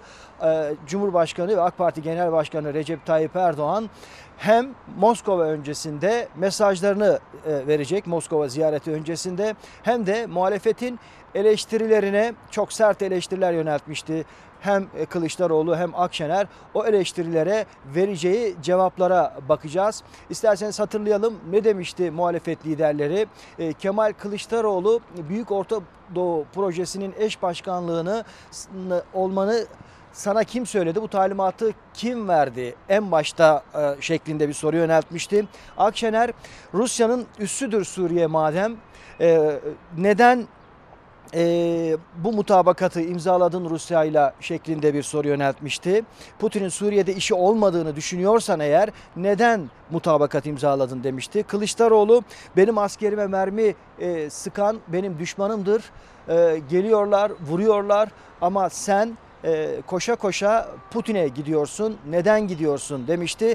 E, benim adıma şu soruları sor demişti. Askerlerimizin yerlerini size bildirmemize rağmen neden şehit ettiniz e, şeklinde bu soruyu sor demişti. Hemen hatırlatalım. Yine İdlib'de e, bir asker e, şehit, 9 askerimiz yaralı. Dün akşam saatlerinde tam da bu kapalı oturumun ardından Milli Savunma Bakanı Hulusi Akar'ın açıklamalarıyla e, öğrendik. Bu kötü haberi de bir askerimiz şehit, 9 askerimiz yaralı. E, muhalefet bu soruları e, yöneltti. Gözler dolayısıyla AK Parti Genel Başkanı, Cumhurbaşkanı Recep Tayyip Erdoğan'da olacak. Onun ne gibi cevaplar vereceğine bakacağız. Yine Şehitler Tepesi polemiği var. E, Şehitler Tepesi boş kalmayacak sözleri üzerine Cumhurbaşkanı'nın çıkmıştı bu polemik ve e, devam ediyor. E, Moskova ziyareti öncesinde bir heyetin bugünden e, Moskova'ya gitmesi bekleniyor. E, kim var heyette? Dışişleri Bakanı Mevlüt Çavuşoğlu, Milli Savunma Bakanı e, Hulusi Akar, e, MİT Başkanı e, Hakan Fidan bu isimlerin hatta sözcü İbrahim Kalın'ın da bugünden Moskova'ya gitmeleri bekleniyor. Ve heyetler arası bir gün öncesinde zirvenin bir gün öncesinde görüşmelere başlamaları bekleniyor. Bir taraftan da gözler Moskova'daki bu gelişmelerde olacak ama tam da bu kritik görüşmenin öncesinde Moskova Savunma Bakanlığı'ndan e, bir e, açıklama geldi. Türkiye'nin İdlib'de asker sayısını e, artırması uluslararası hukuka aykırı şeklinde ultimatom gibi bir açıklamaydı bu. Bir taraftan da işte şehit vermeye devam ediyoruz. Böylesine tansiyonu yüksek gergin bir havada ki Peskov'da çok zor bir görüşme olacağını evvelki gün söylemişti. Böyle bir havada Putin Erdoğan görüşmesi gerçekleşecek yarın. Bugün itibarıyla ise gözlerimiz AK Parti grup toplantısında olacak, mecliste olacak İsmail. Kemal bir tek soru soracağım. Çok tecrübelisin. Bizim parlamentodaki gözümüz kulağımız sensin. Bunca yıldır gelişmeleri izledin. Daha evvel bir kere kapalı to- toplantı da yapıldı. İlk, muhalefet diyor ki bu kadar kritik bir toplantı yapılırken ülkenin cumhurbaşkanı ki yeni sistemde ülkenin cumhurbaşkanı aynı zamanda bir partinin lideri Sayın Erdoğan, AK Parti'nin de genel başkanı. Dünkü toplantıyı ya o neden katılmadı, o neden bilgi vermedi diye eleştiri yöneltiyorlar iktidara. Buna ne dersin? Evet yani e, buna aslında söylenecek e, bir şey yok. Yani bunun muhatabı e, aslında Cumhurbaşkanı Erdoğan. Yani bunu AK Parti Genel Başkanı olarak da ayrıca söylüyoruz. Çünkü e, genel başkan sıfatı da var. Hem devletin başı hem aslında Türk Silahlı Kuvvetleri'nin başkomutan özelliği de var. E, İdlib'deki gelişmeleri birebir e, takip ediyor. Başkomutan e, niteliği de var anayasa gereği. Hem de e, Cumhurbaşkanı. E, muhalefet de zaten bu niteliklerinden dolayı böylesine olağanüstü bir ortamda e, Cumhurbaşkanı'nın e, gazi sıfatlı meclise, gazi meclise gelip e, bilgi vermesini istedi. Olağanüstü bir toplantı. Çünkü şunu da hatırlattılar. Yani Türkiye'nin talebi üzerine NATO olağanüstü evet. toplandı. Birleşmiş Milletler olağanüstü toplandı. Ama Türkiye Büyük Millet Meclisi'nde e, yani olağanüstü bir hava varmış izlenimi vermeyelim dedi hatta Mustafa Şentop Özgür Özel'e grup başkan vekili CHP Grup Başkan Vekili Özgür Özel'e e, çünkü CHP olağanüstü toplanalım çağrısı yapmıştı. O zaman olağanüstü görüntü vermeyelim demişti ama bir taraftan da e, diplomasi ayağında e, talepler gitti. NATO, Birleşmiş Milletler olağanüstü toplandı. İşte e, tabii bu sorunun muhatabı e, Erdoğan Peki. ve bugün, bugün ne diyeceğini de merakla bekliyoruz. Bugün belki grup salonunda konuşabilir ama bilgiyi verenler hani parlamentoya bilgiyi verenler seçilmiş değil öyle değil mi? E tabii yani yeni sistemde bakanlar milletvekili e, olmuyor. Milli Savunma Bakanı, Dışişleri Bakanı e, bilgi verdi. E, ama ikisi de e, meclis üyesi değil, milletvekili değil. Peki Kemal kardeşim teşekkür ediyorum. Ankara büromuza selamlar. İki sosyal medya paylaşımı daha yapacağım. Sizi parlamentoya götüreceğim tekrar. Ali Babacan'la ilgili bir manşet daha seçtim. Çünkü dün uzun bir söyleşisi vardı üniversitelerle ilgili. Bir manşet daha seçtik. Onu 9 kuşağına bıraktım. Geçelim Soylu'ya. Hırsızlığı ortaya çıkardık, suçlu olduk diyen CHP'li belediye başkanı görevden alan İçişleri Bakanı Süleyman Soylu, FETÖ'ye yardımdan mahkum edilen MHP'li başkanı görevde tutuyor. Alican Uludağ'dan bir paylaşım. Devam edelim.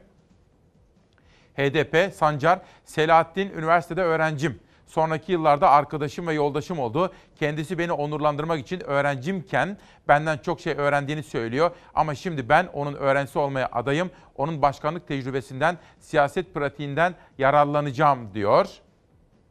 Bir de Meral Akşener geliyor. Akşener 36 evladımızı toprağa verdik. Sen hala eğleniyor musun? Sayın Erdoğan diyor efendim. Peki şimdi bir izin almam gerekiyor sizlerden. Çünkü soluklanmam gerekiyor, bilgilerimi tazelemem gerekiyor. Barış Terkoğlu'yla ilgili, Barış Terkoğlu'yla ilgili gözaltı kararı var. Onunla ilgili ne oldu onu da öğrenmem gerekiyor. Bana izin vereceksiniz. Hemen huzurlarınıza yeni bilgilerle, taze manşetlerle geleceğim.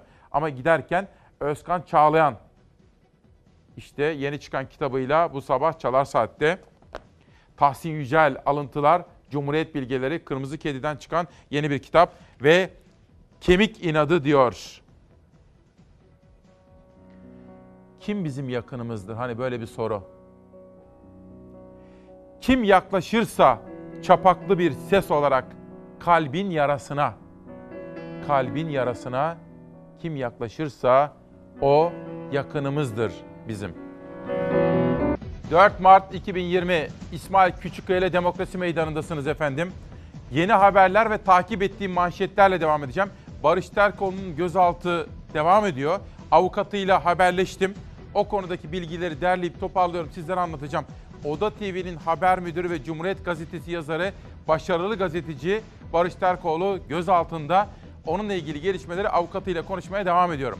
İsmail Küçükkaya ile Demokrasi Meydanı'nda bu sabahki etiketimizi söylemek istiyorum. Sormaya hakkımız var. Gazeteci olarak benim sormak görevim. Sizlerin de vatandaş olarak sormaya hakkınız var diyorum. Yönetmen koltuğunda değiş tokuş yapıldı. Savaş Yıldız geldi ve şimdi görseller eşliğinde yeni günün manşetlerine şöyle bakalım. İdlib'e bakacağız ve dün parlamentoda grup toplantı salonlarında yapılan konuşmalar, o konuşmalardan bugüne yansımalar. Acaba bugün AK Parti lideri Sayın Erdoğan bu konuda hangi yanıtları verecek? Kılıçdaroğlu'nu nasıl suçlayacak? Bugünün gündemi de Erdoğan'ın yapacağı konuşmada şekillenecek. Kılıçdaroğlu diyor ki, benim askerimi vuran her devlet benim düşmanımdır. Siz Putin'e koşuyorsunuz dedi. Erdoğan'ı eleştirdi. Acaba Erdoğan Kılıçdaroğlu'na nasıl yanıt verecek? Türk ordusu soluğu Şam'da almalı, Esad'ın başına çuvallı geçirmelidir diyen MHP lideri Bahçeli'nin sözleri. Acaba Erdoğan Putin'le yapacağı ziyaretten bir gün önce bugün neler söyleyecek grubunda? İyi Parti lideri Akşener 36 evladımızı toprağa verdik. Sen hala eğleniyor musun Sayın Erdoğan diyor ve 34 şehidimiz vardı. Ertesi gün değil ondan sonraki gün yapılan konuşmada Erdoğan'ın ve onu dinleyen milletvekillerinin gülümsemesi siyaseti derinden sarstı. Akşener çok sert tepki gösterdi o gülümsemeye. Bir manşet daha geliyor. Mülteci sorunu insanlık sorunudur. Bu da HDP eş başkanı Sancar'dan gelen açıklama. Mültecileri pazarlık malzemesi olarak ölüm yolculuğuna sürmek vicdansızlıktır diyor efendim. Ve biz de İsmail Küçükkaya ile Çalar Saat ailesi olarak sormaya hakkımız var diyoruz ve parlamentoya gidiyoruz. Şehitler oldu, ses çıkarmadı. Bari meclise gel. Meclise bilgi ver. Trump'a bilgi veriyorsun. Putin'e bilgi veriyorsun. Merkel'e bilgi veriyorsun. 600 kişinin olduğu Gazi Meclis'e bilgi vermiyorsun. Koşa koşa Putin'e gidiyorsun. 600 milletvekili var buraya gelmiyorsun. Neden arkadaş? Kapalı oturumda Cumhurbaşkanı'nın değil de bakanların meclise bilgi verecek olmasına da öfkeliydi Kılıçdaroğlu. Erdoğan'ın Putin'le görüşmek için Rusya'ya gitmesine de. Putin'e telefon eder. Merkel'e telefon eder. Trump'a telefon eder. Onlar gelir tak tak tak vururlar. Koşa koşa ayaklarına gider. Hani sen başkomutandın ya. Nasıl Sayın Putin'in buraya ziyaret etmesi Türkiye'ye verilmiş bir taviz gibi algılanamazsa Sayın Cumhurbaşkanımızın bu ziyareti de böyle bir taviz gibi tabii ki değerlendirilemez. Benim askerimi vuran hangi devlet olursa olsun benim düşmanımdır nokta. Ben niye ayağına gideyim ya? AK Parti CHP arasında Putin görüşmesine ilişkin tartışma alevlenirken Bahçeli de Mehmetçiklerin şehit edilmesinin arkasında Rusya var dedi. Bu alçak saldırının içinde Suriye vardır, İran vardır. Rusya ve Suriye Türkiye'nin sabrını daha fazla zorlamamalıdır. Devletimiz var olsun deriz. Deriz. Deriz de davul kimin boynunda, tokmak kimin elinde bilmek isteriz Sayın Erdoğan. 27 Şubat katliamından dolayı Türkiye'ye ve özür ve tazminat konusu gündeme getirilmelidir. MHP lideri Türkiye'nin özür ve tazminat talep etmesini istedi şehitler nedeniyle. CHP lideri ise Erdoğan'ın Putin'e Türk askerlerini neden hedef aldınız diye sormasını istedi. Birliklerimizin yerlerini size bildirmemize rağmen askerlerimizi neden şehit ettiniz? Bu soruyu sormaya cesaret edemez. İşte ise Bay Kemal'in adını kullanarak bu soruları so- sorabilir. Genel kurulda konuşulan her şey devlet sırrı olarak yer alacak. Öyle ki oturuma özel sağır ve dilsiz kavaslar görevlendirildi. 9 yıl önce 1 Mart tezkeresi için kapalı oturum yapılmıştı mecliste en son. 9 yıl sonra bu kez gündeme İdlib. Milletvekilleri dışındaki herkes genel kuruldan çıkarıldı. Kapılar kilitlendi. Milli Savunma Bakanı Hulusi Akar ve Dışişleri Bakanı Çavuşoğlu gizli oturumda muhalefete sahada ve masada yaşananlar hakkında bilgi verdi. Şimdi reklam arasına giderken sizlere demiştim ki arkadaşlarımla konuşacağım, danışmanımla konuşacağım ve bilgilerimi güncelleyeceğim. Barış Terkoğlu'nun avukatı Serkan Günel. Onunla iletişime geçtim reklam arasında. İlgili haber nedeniyle Barış Terkoğlu'nun gözaltına alınma sebebi. Bir haber var. Bir MİT mensubunun isminin deşifre edildiğine dair iddialar var. Oda TV'nin sorumlu müdürü olması nedeniyle diyor. Serkan Günel, Barış Terkoğlu'nun avukatı. Barış Terkoğlu ile görüştü. Güvenlik Şube'den verilen bilgiye göre İstanbul Cumhuriyet Başsavcısı Hasan Yılmaz'ın sözlü talimatı ile bahsi geçen haber nedeniyle gözaltı kararı uygulanıyor. Barış Terkoğlu'nun ifadesi Emniyet Müdürlüğü'nde değil de direkt Başsavcı Vekili Hasan Yılmaz tarafından Çağlayan Adliyesi'nde de alınabilir. Savcılık sözlü talimatı mevcutlu getirmesi yönünde. Ancak her halükarda sabahın dördünde alınması ne hukukidir ne de mantıklıdır diyor. Bunlar Serkan Günel, Barış Terkoğlu'nun avukatının sözleri. Demek ki bugün 7.15'ten itibaren şehidimiz vardı. Trabzon'un kahramanı şehit olmuştu. Hatta onun bir fotoğrafını alayım arkadaşlar. Savaş rica edeyim bir kaldıralım. 7.15'te verdim ama. Trabzon'dan bir kahraman Suriye'de İdlib'de şehit oldu. En azından ismini bir kere daha size söylemek istiyorum. Dualarınızı eksik etmeyin. Trabzonlu bir aslanımız, piyade uzman çavuşumuz Kadir Tuncer. Türkiye'mize diyoruz ki Çalar Saat ailesi olarak başın sağ olsun Türkiye'm şehidimiz var diyoruz. Bakın İdlib'den bir şehit haberi daha geldi. Trabzon doğumlu olan bu askerimiz de Kadir Tuncer şehadet mertebesine ulaştı. Bugün şöyle yapıyoruz. Bir haber yolculuğu güzergahımızda şehitler İdlib ve bunun diplomasi ayağı. Yarın Erdoğan'la Putin arasındaki görüşme. Bir. İki, koronavirüs ve dünyadaki yansımaları ve bunun Türkiye etkileri. Üç, Ekonomi, enflasyon rakamları sizin gerçekliğiniz. Esnafın yaşadığı sorunlar, esnaf işlerin dönmediğinden, güzel siftah yapamamaktan yakınıyor. 4. Hayatın içinden haberler var. Havaalanında yaptığım ziyaretleri de sizlere detaylı olarak anlatacağım. İşte manşetler, pencereyle başlıyorum. Bahçeli özür ve tazminat istedi. MHP lideri Bahçeli partisinin İdlib konusundaki görüşlerini sıraladı. Taleplerden biri 34 Türk askerinin şehit olduğu saldırıyla ilgili Türkiye'den özür dilenmesi ve tazminat ödenmesi. Geçelim. İdlib için kapalı oturum. Sabah Kemal Aktaş bize Ankara'dan detaylara girmeden yasal sınırlar içinde kalarak Ankara'daki toplantıyı anlatmaya gayret etti. Ancak toplantının içeriğine dair bilgi vermek yasalarımıza göre suç. Ne oldu? Oradaki konuşmalar kapalı zarf ile mühürlendi. 10 yıl sandığa kaldırıldı. Bir haber daha gelsin pencereden. Kapalı oturumu terk etti. Türkiye İşçi Partisi Genel Başkanı Erkan Baş parlamentoda İdlib gündemiyle yapılan kapalı oturumu terk etti. Çıkışta basın toplantısı düzenledi Erkan Baş ve yoksul emekçilerin, bu ülkede çocuklarımızın, gençlerimizin, bölge halklarının kaderini etkileyecek kanlı bir politikanın ayrıntılarını bu ülke halkından gizlenmesini reddediyoruz dedi. Bu arada beşinci bir haber yolculuğu hattım var. Orada da işçi, alın teriyle çalışan, emekçi, madenci. Dün tam 8'de madencilerle ilgili haberi sunmuştum. Dün Disk Başkanı Arzu Çerkezoğlu'yla da haberleştim akşam ve bakın ondan en son bilgileri de aldık. Arzu Çerkezoğlu, maden işçisi arkadaşlarımızın aileleriyle buluştuk. Madene gönderdikleri yiyeceklerin arasına direnişe destek notları gizleyen kadınlar direnişin en büyük destekçileri diyor. Dün kendisiyle de haberleştim. O halde bizim Çalarsat ailesinin temel direklerinden birisi işçinin, madencinin yanında olmak. Şu anda e, 2019 Aralık ayının ocağın hala da maaşları duruyor. Bunları alabilmek için biz ocağa girip çıkmama kararı aldık. Benim babam, iki tane amcam ve abim yerin altında. Şey yani onlar de dişim bile kuramıyoruz. Babalarının hakkını gasp ederken gelin de bu çocukların, bu güzelim çocukların gözlerinin içine bakın. Madenciler yerin 140 metre altında eylemlerine devam ediyor. 7. günün geride kaldığı eyleme Disk Başkanı Arzu Çerkezoğlu destek verdi. Ancak Çerkezoğlu ve beraberindeki ekibin maden önünde basın açıklaması yapmasına izin verilmedi. Böyle jandarmanın arkasına, polisin arkasına, emniyetin arkasına, kolluk güçlerinin arkasına saklanarak devlet yönetilmez. Bize burada barikat kurulması kanunsuz bir işlemdir. Yasaktır. Şu anda bu emri verenler her kimse kanunsuz bir iş yapıyorlar. Siz madene eşinizi her gün yolladığınızda bir haber gelecek mi? Acaba bu saat bugün tamamlayıp eve gelecek mi? Her dakika, her saate bakmak ne demek bilemezsiniz.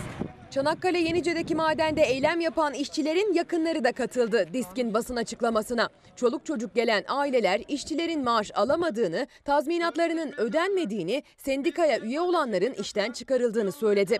İnadına disk, inadına sendika. Kapalı karanlık bir odadayız. Bir ışık arıyoruz. Diski bulduk.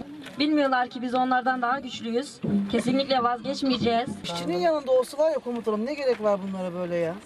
Eşim yerin altında 7 gün haber almıyoruz. Aç buluşma bilmiyoruz.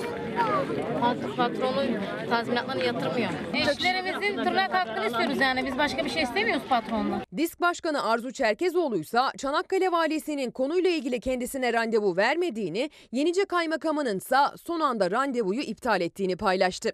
Yarım saat kala bir telefon geldi disk genel merkezine. Kaymakam Bey çıkmak zorunda kaldı. Sizinle görüşmeyecek. Ve buraya geldik. Önümüzde bir jandarma barikatı. Gidemezsiniz. Burada açıklamanızı yapın diyorlar. Eğer bu sorun çözülmezse sadece Çanakkale'yi bölge illerini değil bütün Türkiye'yi buraya yığarız gerekirse. Alacağız mı hakkımızı? Alacağız. Alacağız mı hakkımızı? Madencilerimizle, alın teriyle çalışan kardeşlerimizle, onların haklarını savunanlarla beraberiz. Arzu Çerkezoğlu'yla iletişimimizi sürdüreceğiz. Şimdi bu sabah tabii akışımızı bir parça değiştirmek zorunda kaldık. Çünkü Barış Terkoğlu beklemediğimiz bir gelişmeydi. Geçmişte FETÖ kumpaslarıyla cezaevinde yatmıştı biliyorsunuz. Oda TV davasında Nedim Şener ve Ahmet Şık'la birlikte. Şimdi gözaltına alındı. Erdoğan'ın uçağındaydım. O zaman başbakandı. Çok önemsediğim bir açıklama yapmıştı. Bıktık dedi. Dalga dalga gelen bu Ergenekon dalgalarından, operasyonlarından bıktık. Memleket yoruldu demişti. Hiç unutmam. Manşet olmuştu. Sonra ben izlemiyordum ama yani ben yanında değildim. Başka gazeteci arkadaşlarımdan duyduğum bir açıklaması oldu. Türkiye dedi bu ayıptan kurtulmalı. Bu telefonların yasa dışı dinlenmesi, FETÖ yapıyordu bunları. Türkiye bu ayıptan tamamen sonsuza kadar kurtulmalı demişti. Ki sonrasında ben Ömer Çelik'le de uzun bir konuşma yapmıştım.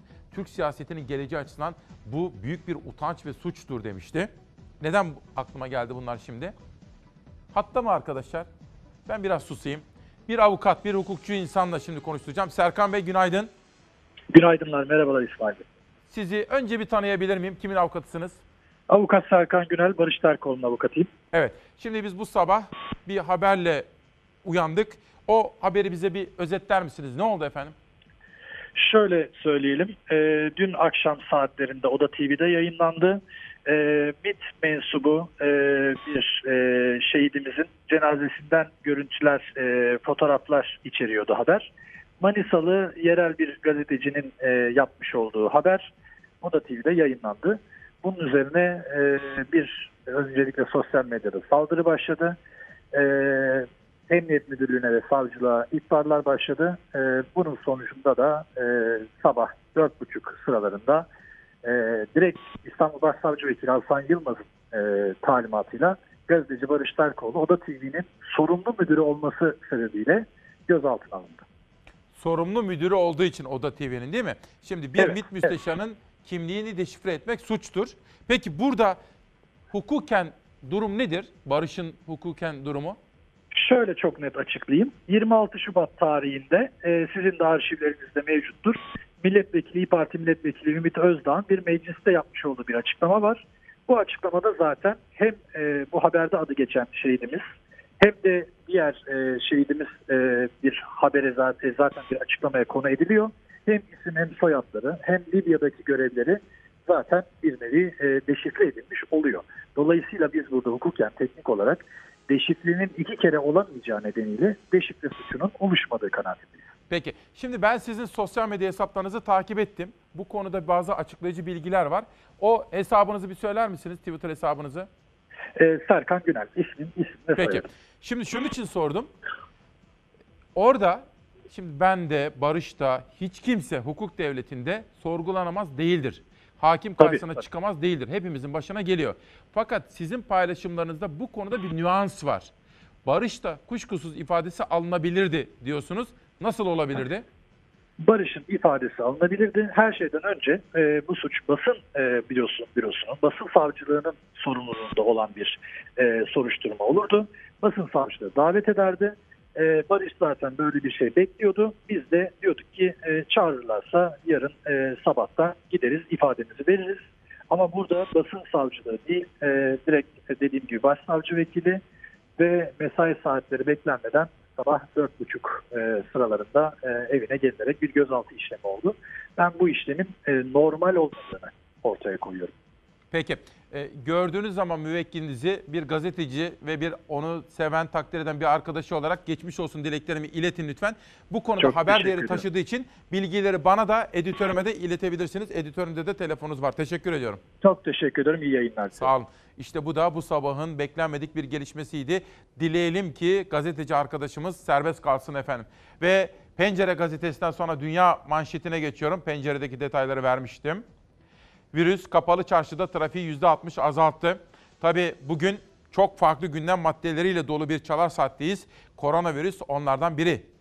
Koronavirüs salgını nedeniyle turist sayısı azaldı. Dünyanın en eski alışveriş merkezlerinden olan kapalı çarşı ticaret hayatında en durgun dönemine girdi denilmekte. Bugün bu kuşakta da bunu anlatacağım ama şu bilgiyi bir kere daha vermek istiyorum. Lütfen efendim. Lütfen Osman Müftüoğlu hocamızın, Sağlık Bakanımızın da ifade ettiği gibi bugünlerde tokalaşmayalım. Böyle selam verelim birbirimize, gözümüzün içiyle konuşalım, öpüşmeyelim, tokalaşmayalım. Çünkü bu virüs ve benzeri bütün virüsler tokalaşarak insandan insana geçiyor veya öpüşerek. Bugünlerde bu kurala riayet edelim olur mu? Ve Çalar Saat gazetesi gelsin. Bugün Çalar Saat gazetesinde dün danışmanım Nihal Kemaloğlu önerdi. Bahçeli'nin bir konuşmasındaki detay dikkatini çekmiş. Diğer ajanslarda görmemiştim. Dedi ki bak Bahçeli o hain saldırının nasıl yapıldığını anlatıyor dedi. Sonra editörüm Zera ile konuştuk. Bir Çalarsat gazetesi yapmaya karar verdik. Bugün tarihi bir nüshadır. Önce Kılıçdaroğlu.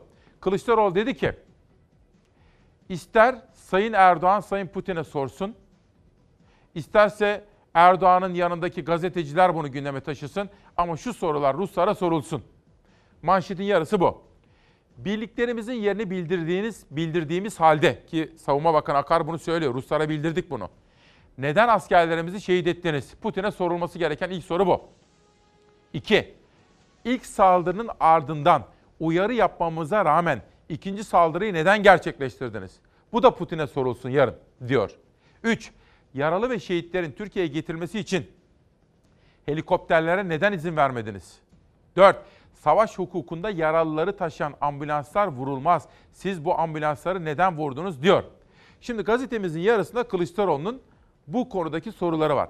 Yarısında ise MHP lideri Devlet Bahçeli dün çok çarpıcı detaylarla bizleri bilgilendirdi. Bu bir dursun. Önce siyasetteki bunun karşılığını, tartışmalarını izleyelim. Dönüşte Bahçeli hangi detayları verdi öğrenelim. Neden daha fazla şehit Türkiye'ye gelmiyor? O te- tepe asla boş kalmayacak diyor. Sürekli şehitler gelecek diyor. Biz bu şehitleri ta Bedir'de verdik, Uhud'da verdik. Cumhuriyet döneminde Çanakkale'de verdik. Bundan sonra da vermeye devam edeceğiz Bay Kemal. Sen oturacaksın çocuklarınla beraber Beştepe'de fakir fukara garip gurebanın çocuğu şehitler tepesinde. Şehitler Tepesi polemiğinde CHP lideri sert cümlelerle hedef aldı Cumhurbaşkanı'nı. MHP lideri Bahçeli de tartışmaya katıldı. Sürekli şehitler gelecek diyor. Ya insanda biraz vicdan olur. Sen şehadeti bilmezsin, şehitliği bilmezsin. Anlaman da mümkün değil. Çünkü sende o iman, o inanç yok. Sen niye gitmiyorsun oraya? Sen git. Elinden tutan mı var? Kendi payıma konuşuyorum. Bayrağımı alır, silahımı kuşanır, koşa koşa cepheye gider, mevziye girerim. İdlib'deki hain saldırı sonrası da o cümleyi kurdu Erdoğan. Şehitler Tepesi boş kalmayacak dedi. Kılıçdaroğlu eleştirdi. Askerin tırnağına zarar gelmesini istemiyoruz diyerek. Karşılıklı açıklamalarla tartışma büyüdü. Şeyh Edebali Osman Gazi'ye der ki ey oğul insanı yaşat ki devlet yaşasın. Şeyh Edebali bilmiyor muydu Şehitler Tepesi'ni?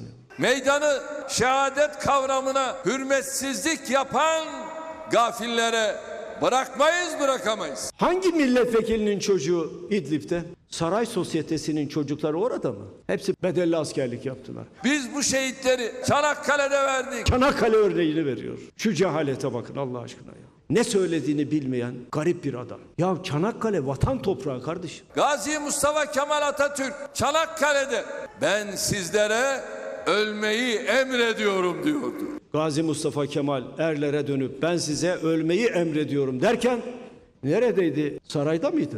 Cephedeydi. Yok Bayırı'nda cephedeydi. Anafartalar'da cephedeydi. İzmir'de cephedeydi. Beyler siz neredesiniz? Sarayda toplananlar bana tarih dersi vermeye kalkıyorlar. Vay gafil vay. Demek şehitler tepesi boş tutacaksın öyle mi? Şehitler tepesini boş tutan Türkiye'yi boşa düşürür. Bize göre bunun adı vatana ihanet, şühedaya hakarettir. MHP lideri Bahçeli de Şehitler Tepesi polemiğinde Cumhurbaşkanı Erdoğan'ın safında yer aldı. Çok önemli tartışmalar yaşanmakta. Nilay Acar, İsmail Bey diyor. Barış Terkoğlu neden gecenin bir vaktinde gözaltına alındı diye bir soru soruyor efendim. İşte Çalarsat gazetesinin ikinci yarısında Devlet Bahçeli'nin gündeme getirdiği detaylar. Türk Silahlı Kuvvetleri askerlerine önce askerlerine önce karadan arkasından hava bombardımanı başladı. Suriye uçakları ve destekçileri Türkiye askerlerinin bulunduğu eski bir belediye binasını alenen hedef aldılar.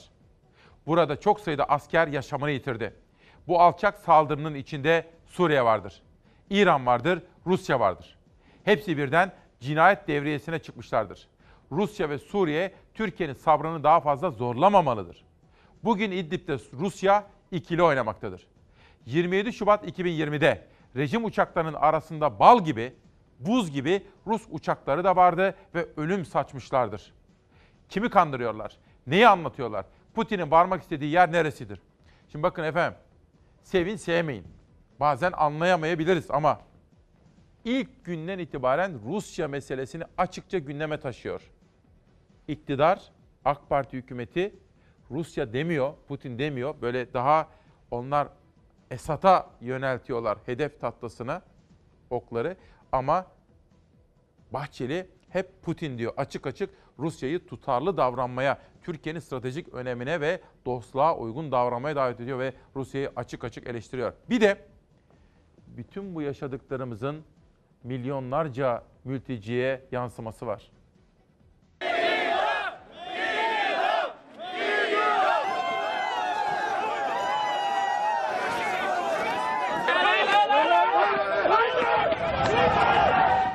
Yunanistan üzerinden Avrupa'ya geçme hayaliyle yola çıkıyorlar. Sınıra geldiklerinde ise Yunan güçleri tarafından darp ediliyorlar. Yüzlerce göçmenin yaralandığı, iki kişinin yaşamını yitirdiği olaylarda tansiyon düşmüyor. Midilli Adası'nda Yunan güvenlik güçleri ve göçmenler arasında yine arbede yaşandı.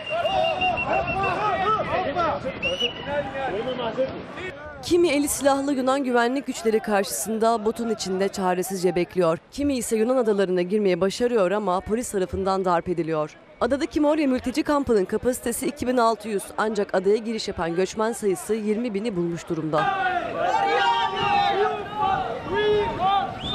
Güvenlik güçleri hala devam eden mülteci akınını şiddetle önlemeye çalışıyor. Adaya en son giriş yapan mülteciler polisler tarafından limanda tutuldu. Atina'ya gidecek gemilere binmelerine izin verilmedi. Arbede yaşandı. Limanda tutulan mülteciler sloganlar atarak Yunan polisine tepki gösterdi.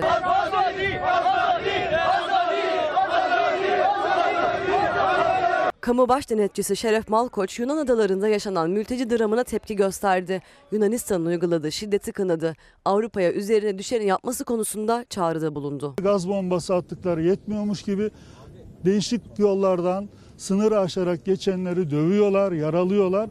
Bunlar da Türk yetkilileri alıp hastanelerde tedavi ediyorlar. Hayır rakam yok ama ihtiyaç olursa yetkililer bunu açıklarlar. 21. yüzyıldayız. Bütün dünya sorumludur bundan. Sadece Türkiye değil. Türkiye'nin üzerine bütün insanlığın sorumluluğunu yüklemek bir haksızlıktır.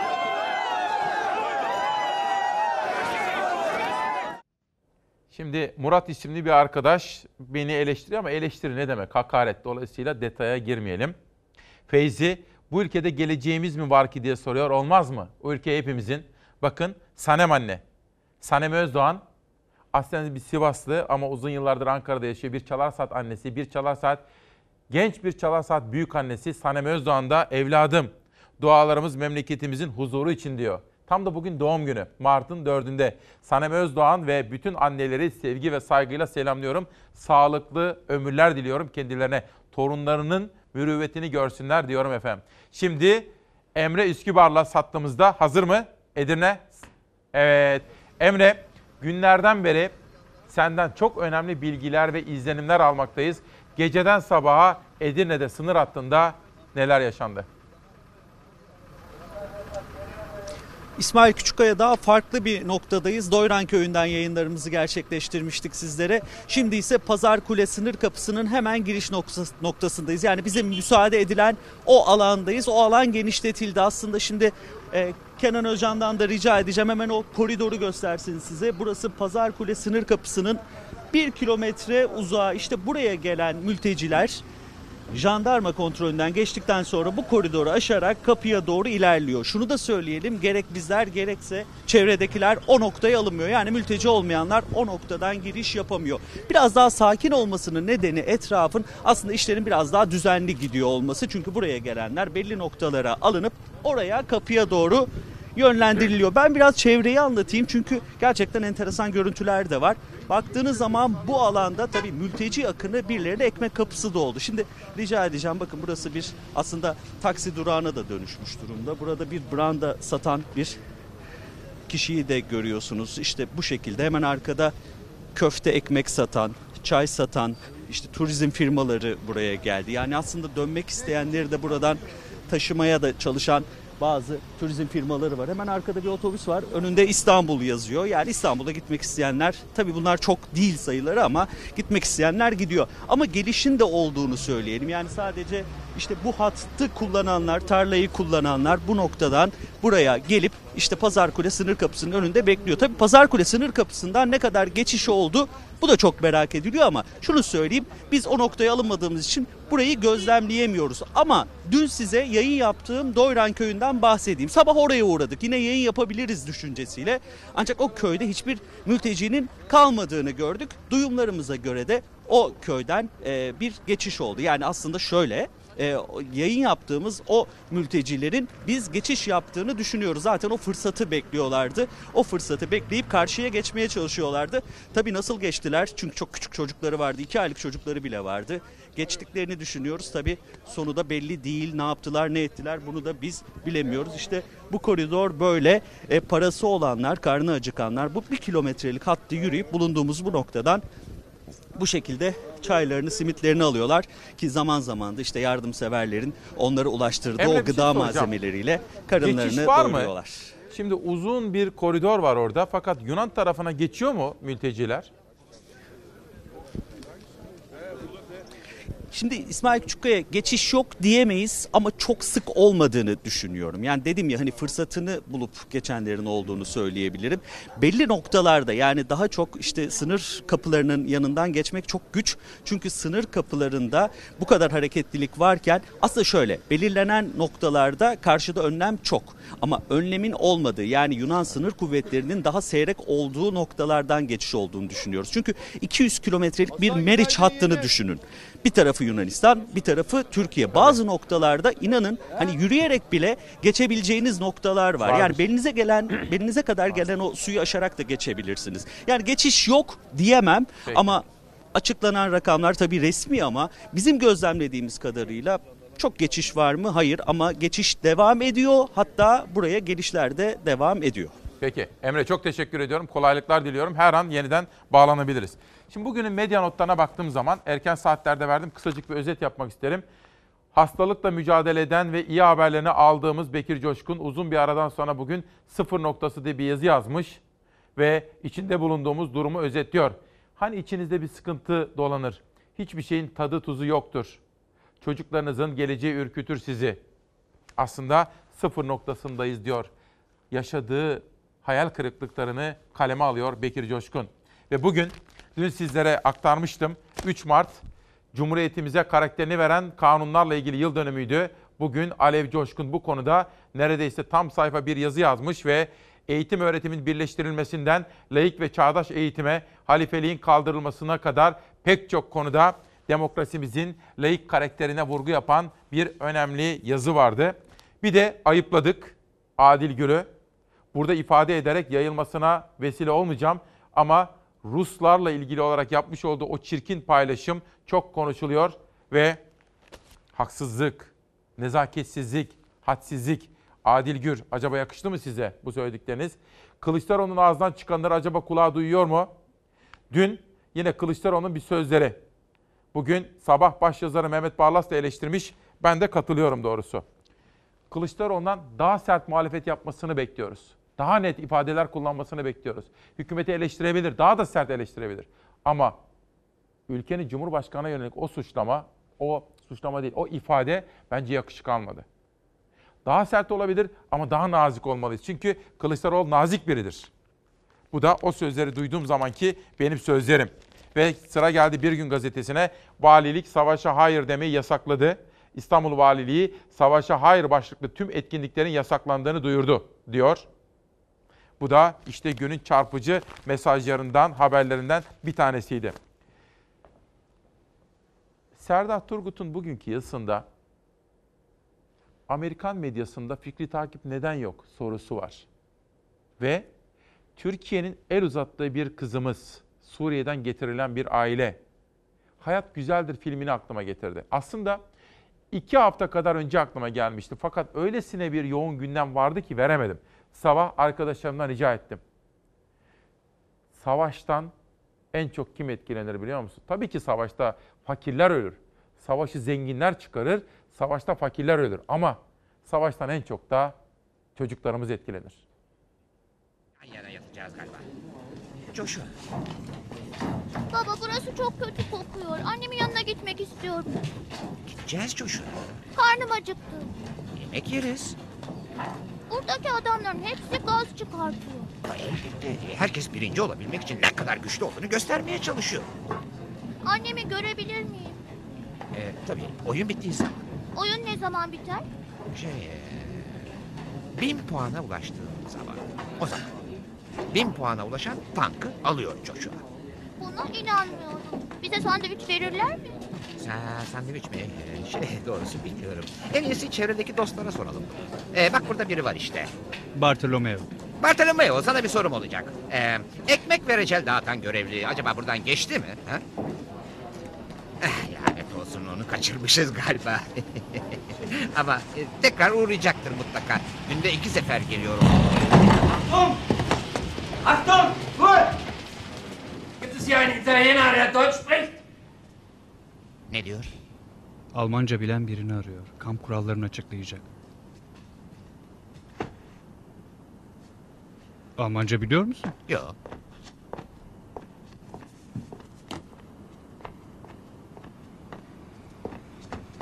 Alles hören, ich sage das nur einmal. Oyun başlıyor. Hepinize başarılar. Ihr seid nur aus einem einzigen Grund in dieses Lager transportiert worden, Ee, bin puanı bulan kazanır ve gerçek bir tankın sahibi olur. Um zu arbeiten. İyi şanslar. Jeder Versuch der Sabotage wird mit dem sofortigen Tode bestraft. Die Hinrichtungen finden auf dem Hof durch Schüsse in den Rücken statt. Puanları her gün şuradaki hoparlörden açıklayacağız. En az puan alan sırtında en kötü yazan bir gömlekle dolaşacak. Ihr habt die Ehre für unser großes deutsches Vaterland arbeiten zu dürfen und am Bau des Großdeutschen Reiches teilzunehmen. Biz burada bağıran güçlü erkekler olarak varız. Korkakların puanları gider. Hayat güzeldir, savaş kötüdür. Çocuklarımızı savaştan korumamız gerekiyor diyor bu filmin ana öyküsü bu. Yerel gazetelerle Türkiye turuna çıkacağız efendim ama önce radyo günlerinde çocuk saati harika genç. Bu arada öğretmenlerimizi sevgi ve saygıyla selamlıyorum. Sizler için bir sürprizim var. Savaş o hazır olunca bana söyle öğretmenlerimizle ilgili. Yüreğime hoş geldin diyor Handan Altan şiirler kitabıyla çalar saatte. Paragöz Köy'ün kayıp hazinesi Fatma Yıldırım'dan geldi. Oyun değiştirenler Engin Tan Narin. Ve yerel gazetelerle Türkiye turuna çıkıyorum. Yeni Gün gazetesi İzmir'deyim. İdlib şehidine İzmir'de son görev. Dün 7.15'te ve tam 9'da İzmir'in şehidinden bahsetmiştim. Sizlerden dualar istemiştim efendim. Bugün de Trabzon'dan bir kahramanımız şehit oldu. Ege'den Trakya'ya geçiyorum. Çanakkale gündem. İki kıta arasında insanlık dramı, İdlib saldırısının ardından meydana gelen gelişmeler ve Avrupa'nın ve Yunanistan'ın ikiyüzlü tutumu. Oradan geçelim Akdeniz'e, Mersin'e. 2012-2017 yılları arasında 80.023 işçi hayatını kaybetti diyor. Oradan geçelim doğuya, Van'a. Depremzede üreticilere tarımsal destek. Van Tarım Orman İl Müdürlüğü, Başkale köylerinde depremden dolayı 1858 küçükbaş, 36 büyükbaş ve 4 tek tırnaklı hayvanın telef olduğunu, yıkılan ahır ve ağıl yerine de binden fazla çadır kurulduğunu ve bu çalışmaların devam ettiğini açıkladı Van gazetesinde manşet. Oradan Sinop'a geçelim. Geçtiğimiz hafta açıklandı. Sinop Türkiye'nin en huzurlu kentidir. Eğer Türkiye'de şöyle bir emekli hayatı yaşamak istiyorsanız böyle huzur, iki yer önerebilirim. Sinop veya Çanakkale. Bu dediğimi unutmayınız. Sinop gazetesi koronavirüsü tehdidiyle iptal olan uzak doğu turları Karadeniz'e kayıyor diyor. Oradan Tunceli Emek gazetesinde bir kadın manşeti. Kadınlara daha fazla çalışma alanı ve imkanı sağlanmalı Kadınlar Günü'ne dair diyor. Tunceli Emek gazetesi zaten kadınlar tarafından çıkarılmakta efendim. Dün telefonum çaldı. Rize'yi hem kutlamıştım. Ünal Karaman gibi büyük bir teknik adamla yola devam kararı verdiler. Rize camiasını kutlamıştım. Hem de Rize Spor Başkanı eleştirmiştim. Dün yayından sonra telefonum çaldı. Arayan Rize Spor'dan As Başkan'dı. Haberi anlatacağım. söz hakkına saygı duyarım. Ama önce, önce öğretmenlerimiz. Yarın not ateşi.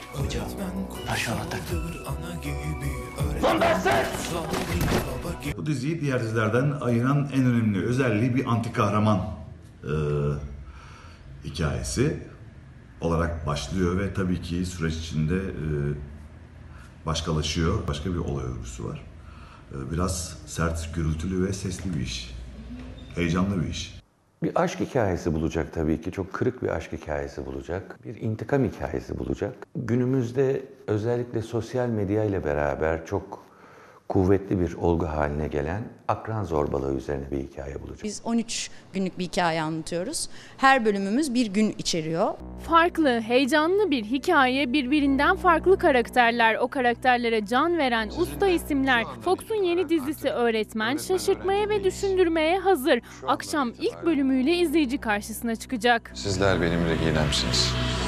Herkes kendi hayatında, iş yerinde, e, ev hayatında, okulunda nasıl bir mobbingle karşılaşıyorsa, nasıl bir zorbalıkla karşılaşıyorsa buna bir cevap niteliğinde e, işlediğimiz her bölüm ve konuların gidişatı da öyle.